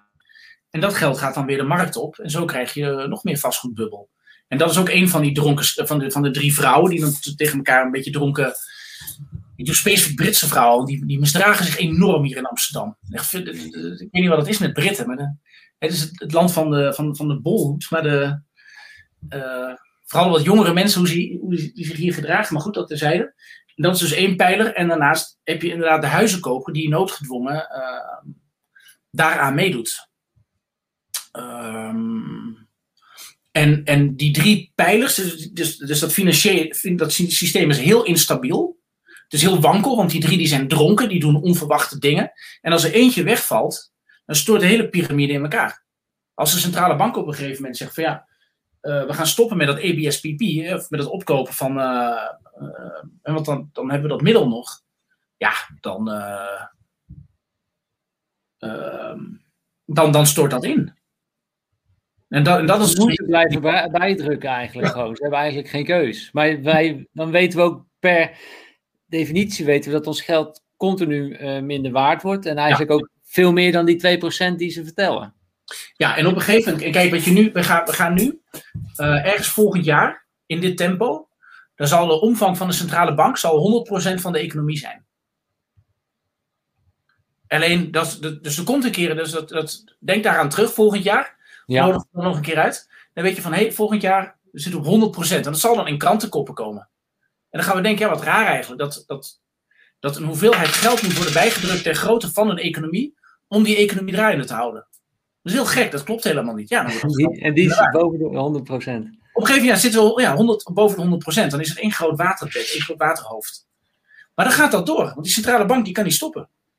Wat moet jij nou voorstellen? Hè? Ik heb net dat systeem uitgelegd met die, uh, uh, dat, dat een, product, deze kastanje, wordt verkocht voor net bijgedrukt geld. Die bank, die centrale bank, die koopt dat uh, van bijvoorbeeld ABN AMRO. En ABN AMRO die krijgt een hele gunstige prijs. En in de bankaire sector noemen ze dat merkelfieken. En dat is wat jij denkt dat het betekent. Want als jij een handelaar bent en de centrale bank die belt je op en die zegt van ja, we hebben zoveel geld, hebben pallets met geld hebben we bijgedrukt. We hebben een target, we moeten per maand 60 of 80 miljard euro halen. Dan heeft die centrale bank die heeft een hele slechte uitgangspositie, hè, als je erover nadenkt. Die moeten elke maand met die andere traders bij die particuliere banken, moeten ze iets wegkopen. Ze zeggen, ik heb 10 miljard euro uitgegeven. Moet ergens op, moet ergens op. Dus uh, nou, kan ik voor jou die kastanje kopen? Dan zegt die bankier natuurlijk, prima, jij kan die kastanje kopen voor een miljoen. Nou, dat is al een dus tegen een hele slechte prijs. Dus, dus iets wordt voor een veel te hoge prijs verkocht. Dan zal die centrale bank zeggen, ja doe ik ga geen kastanje voor een miljoen kopen. Weet je wat er dan gebeurt? En ik weet dat dat op de Zuidas gebeurt. Er zijn meerdere traders die vertellen me dat. Die traders die houden dan die kastanje aan voor die miljoen. En die weten, die centrale bankier die komt aan het eind van de maand toch wel terug. Want die heeft dat target en die moet en zal. En uiteindelijk wordt dat gedekt feitelijk door Duits belastinggeld. Dus daarom ben je Merkel aan het fieken. Alleen zo'n trader die heeft dan een enorme handelswinst geboekt. Die krijgt een gigabonus. Die krijgt een fles champagne. Uh, die mag naar de wallen van zijn baas. Dat is wat er gebeurt. Dus die financiële sector die verdient enorm veel geld. Ja. Als je quantitative easing zou terugdraaien, dan moet je deze transactie terugdraaien. Dus dan moet de centrale bank, die moet dan diezelfde trader opbellen. Die heeft dan net zijn roes uitgeslapen, die heeft al die champagne opgedronken enzovoort. Uh, en dan zegt de centrale bank van ja, uh, nieuwe tijden, quantitative easing is over. We gaan nu die positie afbouwen. Kunnen we deze transactie terugdraaien? Dus kunnen we die kastanje, mag ik hem weer aan jou verkopen voor een miljoen euro? Weet je wat die bankier dan zegt? Ja. Nee, toen het ook. Ja. Ja, ja, ja. Dus quantitative easing, zeker als je dat met hele slechte producten doet en je doet dat stiekem eigenlijk om die bank een beetje te redden, dat is voor eeuwig. Je komt hier nooit meer vanaf. Ja. Dus quantitative easing op deze manier kun je niet meer terugdraaien. Dus moeten we gaan investeren. Ja, dus moet je, naar, moet je dan naar alternatieven toe. Alleen, je zal, dus die overheden die dat doen omdat ze om geld verlegen zitten, je, je ontsnapt er niet aan. En dan zal misschien de BTW omhoog gaan. Ja. Uh, ik vond dit, dit, wel een interessante van Marianne. Uh, ja, misschien wel een lessons learned ook wel. Moeten we gewoon zo snel mogelijk al onze schulden kwijt zien te raken? Gewoon wij als burger, weet je. Gewoon Kijk, minder schulden nemen. Hoe, hoe, stel je deze vraag? Bedoel je dit uh, dat je een maatschappelijk... Ja, dat je een huis hebt. Hebben of dat het om jezelf gaat? Om jezelf. Wij, ja, wij om, om, je, om, jezelf. Dan moet je meegaan in die gekkigheid. En dan moet je een BV openen. En dan open je een... Uh, en dan neem je op naam van die BV neem je een gigaschuld bij de bank. En als het failliet gaat, dan klapt die BV gewoon. Dus de bank de lul. En als het goed gaat, heb jij cash. Ik bedoel, het, is, het, is, het is net als zwart rijden. Moet ik wel of niet gaan zwart rijden? Dus, ik, dus dat zijn altijd die, die twee aspecten ook in mijn werk. Ook als mensen het vragen. Dus daarom zeg ik altijd: onder welke hoedanigheid moeten we deze vraag beantwoorden? Moeten we, dus, dus ja, zou ik tegen iemand zeggen: natuurlijk moet je gaan zwart rijden. Ik bedoel, dat is goedkoper dan. Maar goed, als iedereen zo denkt, dan heb je het openbaar vervoer niet. En op dezelfde manier zou ik tegen Marianne willen zeggen: van. Uh, is het nou Nicole, Stijn of Marianne? Maar goed. Uh, ik heb die vragen nog een keer ingezet. Marianne had hem al. Oh, wacht, sorry. Jij bent ja, ik, ik ben in de war. Um, ja. Marianne is dat natuurlijk. Uh, kijk, voor jou persoonlijk, wetende dat deze omstandigheden gelden, wetende dat die, rare, eh, dat die, dat die gekkigheid er is, nou, dan zou ik daarvan genieten. Dus dan zou ik inderdaad met een, uh, als dat kan, als je die mogelijkheid hebt, zou ik via een BV geld lenen. Ja, maar je zet het meteen los van jezelf. Je wil als privépersoon niet die grote hypotheek op dat huis en daar het risico verlopen. Of, Klopt. Dan moet je zelf, dat, dat wil je afbetalen. Dan moet, dan moet je ook gewoon meedoen in die gekkigheid. En af en toe dan uitspringen en iets verkopen en cashen. Ja, dat zou ik. Uh, ja, als je, als je die middelen hebt en je hebt. Uh, dan zou ik dat opzoeken. Zou ik met de notaris gaan praten en zou ik een vastgoed-BV opzetten. Dus ik zou vooral, dus je moet je schulden niet aflossen. Je moet er veel meer aan gaan. Ja, dat is, ja, maar je zit toch, als je die schulden hebt in je huis en je komt onder water en die bank klopt langs en uh, kun je even bijstorten en dan heb je dat geld niet. Dan zit je met een probleem. Nee, maar als dat moment komt, dan gaat dat door de hele samenleving gelden en dan wordt er, wordt er een, komt er een reddingsfonds. Dus dan gaat dus noods de overheid woningen opkopen om de prijs hoog te houden. Of dan komt er nog een klimaatfonds waardoor mensen nog meer gaan lenen of weet ik wat. Ja. Dus we, zitten, we leven niet meer in een liberale markteconomie en een democratie. Dus, uh, dus ja, ik zou daar wel, ik zou wel inderdaad voor mezelf, het voelt ook lekkerder hè, als je weet dat je overwaarde hebt. Dat zou ik dan wel doen, maar als, als het vermogen toestaat, dan zou ik ook gewoon all in gaan en gewoon vol met die gekkigheid meedoen. Ja, ik zou er niet zo lekker van slapen, heel eerlijk. Nou, als dat niet zo is, dan moet je, dan moet je dat niet doen. Dan moet je bijvoorbeeld inderdaad toch gebruik maken van het depositogarantiestelsel als je spaargeld hebt. En dan weet je dat je toch een beetje betaalt. Maar dan weet je wel 100% zeker wat je hebt. Als je iemand bent die daar niet lekker van slaapt, moet je geen gekke dingen doen. Vertrouw op dat depositogarantiestelsel. Weet wel dat het uiteindelijk ook je eigen geld is, maar goed. Uh... Ja, nee, maar voor mij is het anders, Arno. Voor mij, wij hebben hier wat in, uh, in Malika gekocht. Maar uh, zeker wel met een, een, groot eigen vermogen, zeg maar. 50% ja. hebben we al afbetaald. Maar daardoor slaap ik rustig. Dat ik denk van nou, we gaan niet in één keer 50% naar beneden. En ik kan die kleine hypotheek altijd hier het huis verhuren, wat we ook doen. Ja. Nou, dan moet je dus geen gekke dingen doen. Als jij, dan, dan, als jij graag lekker slaat, maar als je een beetje ballen hebt, of niet, niet dat jij geen ballen hebt, maar als je gewoon van risico houdt, en als je gewoon niet bang bent voor een beetje gekkigheid, dan zou ik, dan zou ik, dan zou ik dan, je kijkt naar het casino dat die centrale banken hebben gecreëerd, uh, en overheden, zonder jouw goedkeuring, buiten enige democratische controle, maar het systeem is er. Ja, doe dan, doe dan, doe dan mee. Als, als de overheid die, die, buiten straks gratis alcohol gaat uitdelen, omdat ze de slijterij willen redden. Dan kan ik als journalist artikels schrijven. Kan ik zeggen, ja, nou, dat is niet goed, want dan gaan mensen meer drinken en dat is slecht voor hun lever. Kan ik een dok dokter opvoeren die dan vertelt van, ja, nee, het gaat zoveel kanker geven in de lever, weet ik veel. Maar als het, als het, als het gebeurt, ja, dan zou ik me helemaal te knetten zuipen. Dan moet je gewoon meedoen. En op dezelfde manier, er wordt een, er wordt een casino gecreëerd met, met geld. En als jij mogelijkheden ziet om daar op speculerende wijze rijk van te worden. En via een BV. dat, dat, dat doe ik wel, maar ik, ik zet dan weer in naar Bitcoin natuurlijk. Dat is ook speculatie. Hè? Ja. Eh, zeg maar, kijk, het voordeel van, die- van die bank is dus, en van die, van die hypotheek ertussen, daarom noem ik dat. Ehm, dat is dat, eh, dat als het dan klapt, bijvoorbeeld, als het dan daalt en je doet het met een vastgoedlening of in een BV, dan word jij persoonlijk niet geraakt, maar dan, dan Ja. na de bank. Ja, dat is waar. Ja, Ja, de- de- dat, dat bedoel ik, dan moet je ook gewoon al die moraliteiten moet je ook gewoon loslaten. ja, ja. Maar inderdaad, niet als privépersoon, maar als een BV. En dat, Ja, dat zo, ja precies, zo moet je dan denken. Ja. Ja. Ehm, eh, ja, nou maar ja, de, de- kijk, de, Ja. eh, iemand die zegt, eh, heeft Arno nog tips voor onze jonge millennials hoe om te gaan met deze absurde huizenmarkt? Ja, mee, meedoen. Het, je, je kan niet anders. De, het alternatief van niet wonen is dakloos zijn, onder een brug gaan slapen. Ehm, en de, kijk, dat, dat voorbeeld, het is misschien een beetje een lullig voorbeeld, maar de, eh, wat ik net zei van, die, eh, van dat, dat micro-economische voorbeeld van zo'n trein. Kijk, op een gegeven moment is het gewoon onverstandig voor jezelf om niet mee te doen met de gekte. En, en, en dan wordt die gekte alleen maar groter. En maatschappelijk maak ik me dan, dan zorgen erover. Maar voor de individu. Stel dat jij in een, eh, in een, in een, in een hotelkamer zit, of in een, in een congreszaal zit, of in een hotel. En er zitten honderd mensen in de zaal. En de gordijnen vliegen in brand. En op een gegeven moment staat er een statisticus op en die zegt: Als wij nu allemaal netjes en rustig naar de uitgang lopen, eh, dan zal er slechts één iemand omkomen. Maar als we met z'n allen in paniek raken en we gaan dringen, dan gaat de helft omkomen. Dus we gaan nu met z'n allen heel rustig. Maar goed, niemand wil die ene zijn die levend verbrandt. Dus iedereen denkt dan van, hé, hey, als iedereen nou heel rustig naar buiten loopt, maar ik ben in mijn eentje slim, dus ik ga als ene wel rennen, dan weet ik 100% zeker dat ik niet die ene ben. Nou, net als dat andere voorbeeld. Vervolgens denkt iedereen zo en dan heb je alsnog gedrang bij de deur. En eh, in werkelijkheid in dit soort situaties gebeurt dat ook zo. Ja. Ehm, wat moet jij doen als jij in die zaal zit? Ja, ik zou ook rennen. Want als jij dat als enige niet doet, als jij als enige niet meedoet, ehm, Nou, ik kan het wel beschrijven. Ik kan het wel beschrijven, want dat zeg ik ook wel eens tegen Nicole. Van, eh, kijk, wij, wij zijn wel heel ja, dankbaar en blij dat wij dat huis hier in Malaga hebben kunnen Ja, kopen. Dat we het Ja, hebben ja. uit- afbetaald. We zitten daardoor in het systeem. ja, we hebben onszelf wel verzekerd. Die hypotheek is 30 jaar, is zoveel, is te overzien. Ik heb altijd een dak boven mijn hoofd.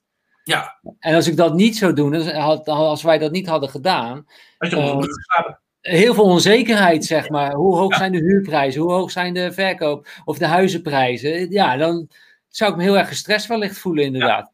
Dat, dat was misschien wat je Puur- bedoelt. Puur micro-economisch gezien kun je niet anders dan meegaan in de extreme gekkigheid.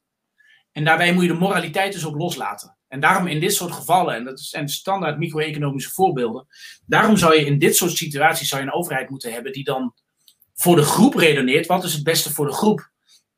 En dat organiseert. Alleen de overheid en de centrale bank, dat zijn nu de amorele partij geworden. Ja, Het is alsof de minister van Volksgezondheid in jouw, eh, eh, ehm, jouw kinderdagverblijf komt en daar een sigaret opsteekt. Nou, dan kun jij wel een beetje braaf gaan lopen doen, maar kijk, als de overheid helemaal verziekt en gecorrumpeerd is, en daar, heb je nu gewoon, daar is nu gewoon sprake van, dan, dan, dan moet je dat weer organiseren. Dus dat is de politieke kant van het verhaal. Maar voor jouw privé, ga gewoon mee in die gekkigheid. Maar zou je niet gewoon geld gewoon ook gewoon in goud zetten, in plaats van op die, die, die, die bank wat jij zei, met 0% eh, rente en inflatie? waarom, waarom zou je niet goud, waarom zou je niet goud kopen? Ja, omdat dat, dat kan, maar dat kan ook dalen.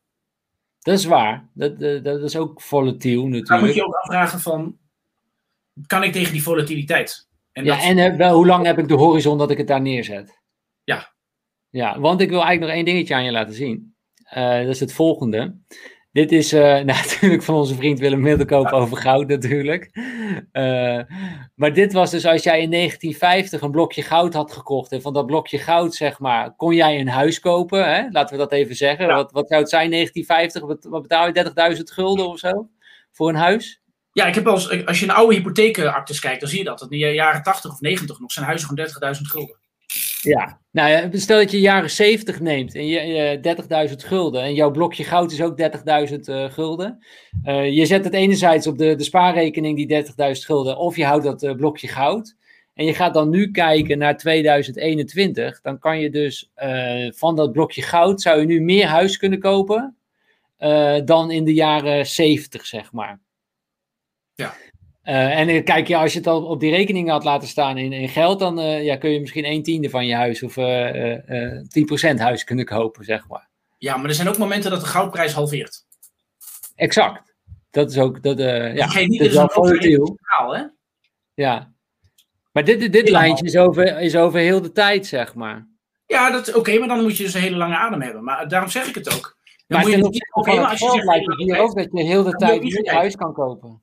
Maar dan moet je dus niet gaan kijken. Dus dan moet je dus zeggen, oké, ik koop dat goud en ik ga hem niet druk maken om korte termijn fluctuaties. En ik spreek heel veel mensen die dat wel doen. Dan zeggen ze van ja, het, ik heb mezelf beloofd dat, dat, dat, niet te gaan doen. Dus dan zetten we dat weg. En dan gaan we dus niet de hele dag op de telefoon kijken. In plaats van dat je het werk gaat doen waar je normaal gesproken je geld mee verdient. Maar dan ga je lopen stressen.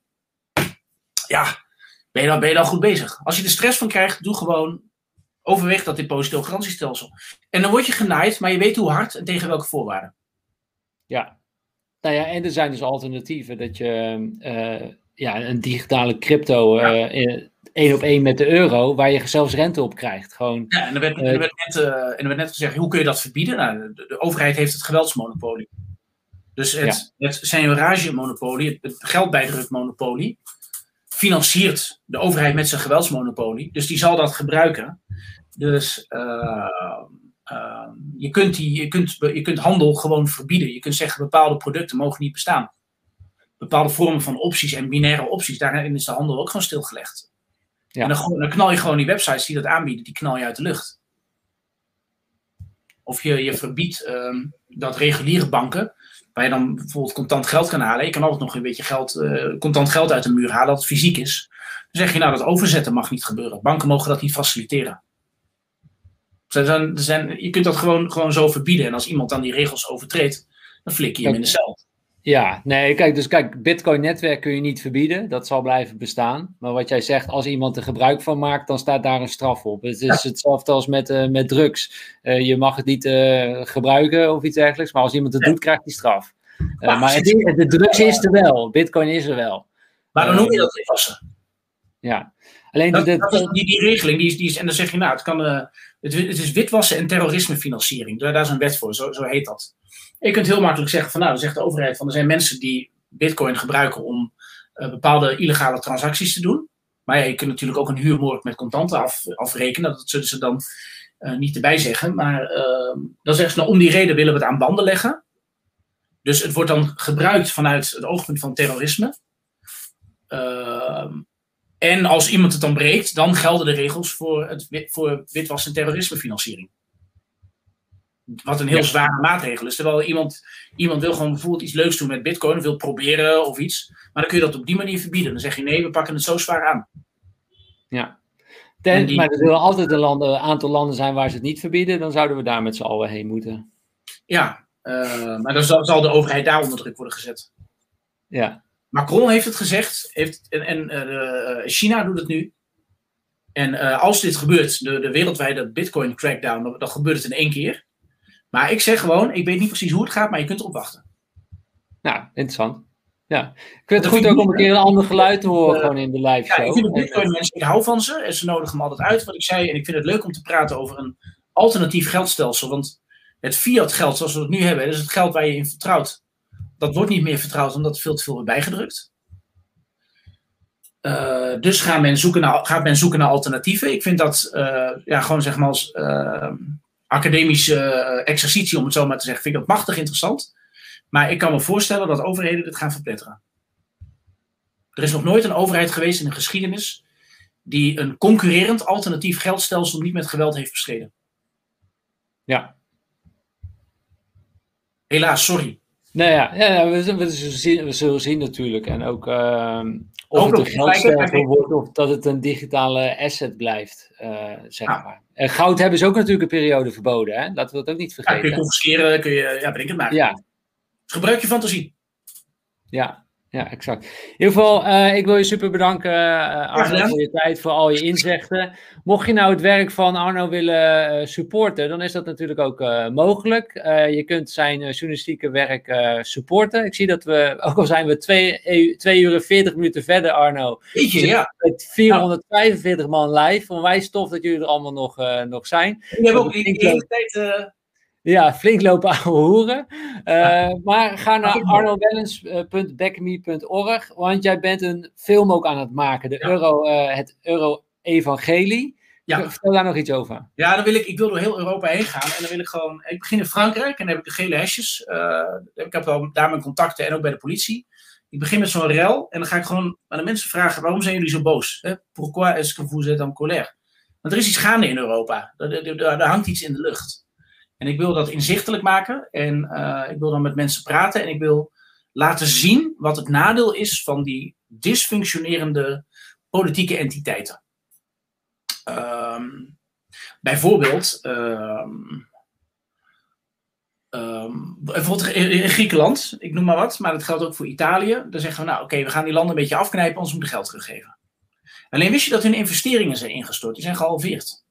Dus gewoon de, de, capital expenditure die je doet in jouw economie. Uh, die bedrijven doen. Dus alle investeringen van bedrijven, dat, die, die zijn gehalveerd. Nu is de, jeugdwerkloosheid, die is ook gewoon 50%. En dat correspondeert natuurlijk met elkaar. Dus als jouw bedrijven geen investeringen meer doen om bijvoorbeeld een nieuwe bestelbusje te kopen bij een bedrijf, ja, dan heb je ook geen chauffeur nodig. Dus ontsla je die en heb je jeugdwerkloosheid. Knal je je economie in elkaar.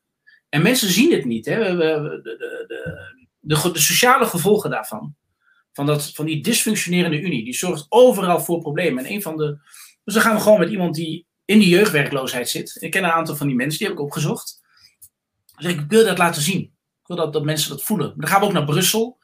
Uh, ik zorg dat we dan naar binnen kunnen komen bij zo'n uh, Brusselse uh, eetorgie, waar Frans Timmermans enzovoort. Dat is waar de elite ver weg van de problemen op straat van ons geld. ja, gewoon lekker zitten te genieten. En die zijn helemaal losgezongen van die problemen van die, van die jongeren daar in Griekenland, die gewoon uh, een, leven lang niet zullen werken, die dat ook zullen weten. En wat het ook doet met die mensen hè, qua radicalisering. Ik bedoel, wat denk je? Als je van, de, van een generatie die de jeugd afpakt in de toekomst. Dat is verschrikkelijk. En, ik wil, en, en ja, we hebben een politieke elite die dus steeds meer losraakt van de burger. Dat is het gevolg van de, de Great Reset, van de, van de Klaus Schwab, de Sigrid Kaag-achtige wereld waarbij instituten centraliseert. Ja. ja. dus VN moet dat doen, de Europese Unie moet dat doen. Ja, nou, dan gaat het dus steeds verder weg van die, van, van, van die burger. En dan krijg je ja, we hebben het al gezien ook met, uh, met de pandemie, pandemie. Hoe bestrijd je een pandemie? Ja, ook met ondemocratische uh, organisaties die opeens uh, er zijn, opeens. Ja, ja dat, dat, moet dan, dat moet dan Europees. Hoezo? Hoezo moet dat Europees? Dat is ja, nee, vaccineren, dat moet op Europees niveau natuurlijk. Hoezo? Hoezo is dat zo? Ziekenhuizen, GGD's, Verplegers die worden toch nationaal georganiseerd, opgeleid, gecertificeerd, betaald? Nee, dat is een automatisme. Van, nee, het moet Europees en dan dysfunctioneert dat. Dat levert teleurstellingen op. Dat brengt mensen in de problemen. En dan heb je een elite die dat niet eens ziet, waardoor die problemen verergeren. Dus dan moet ik zowel kijken waar de elite uh, lekker champagne en caviar zit te nuttigen. Uh, hoe Timmermans aan die pens van hem komt. En dan de mensen op straat inderdaad, uh, die, die gewoon in de problemen zitten. Dat is wat ik inzichtelijk wil maken. Dat is je verscheurende samenleving. En ik wil die lijmen. Dat is mijn doel. Ik wil politieke radicalisering en tegenstelling wil ik voorkomen. En dan zul je naar mensen moeten luisteren en hun problemen serieus nemen. Ja, ja uh, daar ga je film over maken, de Euro-Evangelie. Uh, mocht je het supporten, dan kun je gaan naar arnowellos.backme.org en kun je een uh, donatie doen. Um, ik wil je in ieder geval iets geven, Arno, en dat is een Follow Your Wind t-shirt. Ja, ja, okay. Mag ik... je, mag, je mag gaan voor de, de nieuwe editie, de Maximize Your Life editie. Maar we hebben er nog meer. Ik zal ze er even bij pakken voor uh, de mannen. Uh, dit is de, de nieuwste, de Maximize. Is er geen non-binaire optie? Wat zei je? Nee, ik zit fuck. Is, ik zei, is er geen non-binaire optie? Helemaal hip, hè? Uh, ja, en we hebben ook het sport-t-shirt, dat is met Mission Possible. Of het biologische t-shirt met, met alleen voor je, voor je Dan zou ik een sport-t-shirt willen. Ah, oké, okay. deze met Mission Possible. Ja. Die, die gaan we jouw kant op, op sturen. Ik, wil ik denk nogmaals... Ja, Elletje is goed. Elletje, ja. Gaan we, gaan we doen. Dankjewel. Top. Ja, iedereen super bedankt voor het kijken. Laten we nog even een momentje doen voor, uh, voor Instagram. Maken we vaak altijd even een fotootje, delen we het. Uh, tag ons ook eventjes. Uh, apenstaartje Nicole Stijn en apenstaartje Arno Wellens. Daar zit je ook op Instagram, hè? maar meer, iets meer voor de romantiek zit jij op Instagram. Ja, de, de, de, de, de, zeg maar de, de, de, de beestjes en de gelukte maaltijden, die gaan, naar, die gaan naar Insta en politiek is Twitter. Politiek is Twitter. Ja, mijn ja, moeder zit niet op Twitter en de vrouw ook niet. En dat is, ja. Ja, maak even een fotootje. Uh, maar iedereen maakt een fotootje, tag ons, altijd leuk om te weten wie, uh, wie hebben gekeken. Uh, en nog een belangrijk nieuws trouwens, we, we lassen even een, een zomerrooster in. Nicole en ik gaan trouwens ook naar, naar Nederland voor, voor twee maanden. Dus wellicht leuk om ook de Follow Your Winders eens te zien in het echt in, in ja. Nederland. Laten we kijken of we een meetup kunnen, kunnen doen. Ja, ik zal, ik help je. We gaan iets leuks doen. We gaan het gezellig maken. Ja, dus leuke, leuke, leuke borrel. Maar we gaan dus even een zomerrooster uh, doen qua Follow Your Wind. Wat dat inhoudt is dat we spontane Q&A's en live shows gaan doen, maar niet iedere vrijdag meer. Uh, gaan dat eventjes doen. Uh, maar de eerste is al meteen volgende week dinsdag om 8 uur doen we een crypto Q&A. Een live Q&A met Mark Dame en Annemiek. Kun je al je vragen over crypto kun je stellen. waar staan we op dit moment met de crypto's? daar gaan we het over hebben en waarom die ook steeds schaarser worden gaan we het ook over hebben. Uh, dat zal wel in de groep zijn dit keer. Dus niet op YouTube, maar echt in de groep. Je kunt je gewoon aanmelden door te gaan naar followyourwind.com slash groep. Um, dus dat gaan we eigenlijk de komende weken doen. Gaan we even ja, het zomerrooster. We hebben ook het idee als wij in Nederland zijn, om echt bij onze gastsprekers ook langs te gaan. En gewoon op locatie, op bezoek, een live show te organiseren. Uh, maar dat kan ook een keer op een woensdagavond zijn, of een donderdag, of noem maar op. We zijn iets vrijer daar even in. Uh, dus hopen dat jullie dat goed vinden. Dat is het zomerrooster. En natuurlijk, iedere dag zijn we in de groep. Hè? Dus daar followyourwind.com slash groep. Daar zijn we sowieso uh, iedere dag. Um, dat wil ik eigenlijk nog met jullie delen. Voor nu super bedankt. Um, Claudia zegt ook super bedankt Arno en Stijn. Nou, onwijs tof ja, dat je na 2 uur en 47 uh, minuten nog steeds bent, Claudia. Ja. Nout ook, bedankt voor de show. Edwin ook zegt ook thanks Arno en Stijn. Ik doe uh, trouwens ook ja. Dat zie je ook op dat, uh, bij, bij, dat Backme. Dus ik, uh, ik heb in ieder geval de wandelroute. Die doe ik altijd nu door de Haarlemse Duinen. en ook dat soort dingen. En, maar we gaan nu dus weer over naar dingen in cafés en de zalen. En we gaan het gezellig maken. Dus dat is, Leuk. Dat kan weer. We kunnen uit de vier muren en we gaan weer een beetje de, de samenleving in. Dus ja, gelukkig maar. Ja, uh, Arno blijft nog even hangen, maar iedereen super bedankt. En tot bij de volgende live show. En die is dus uh, in de groep aanstaande dinsdag om 8 uur al. Ciao, ciao.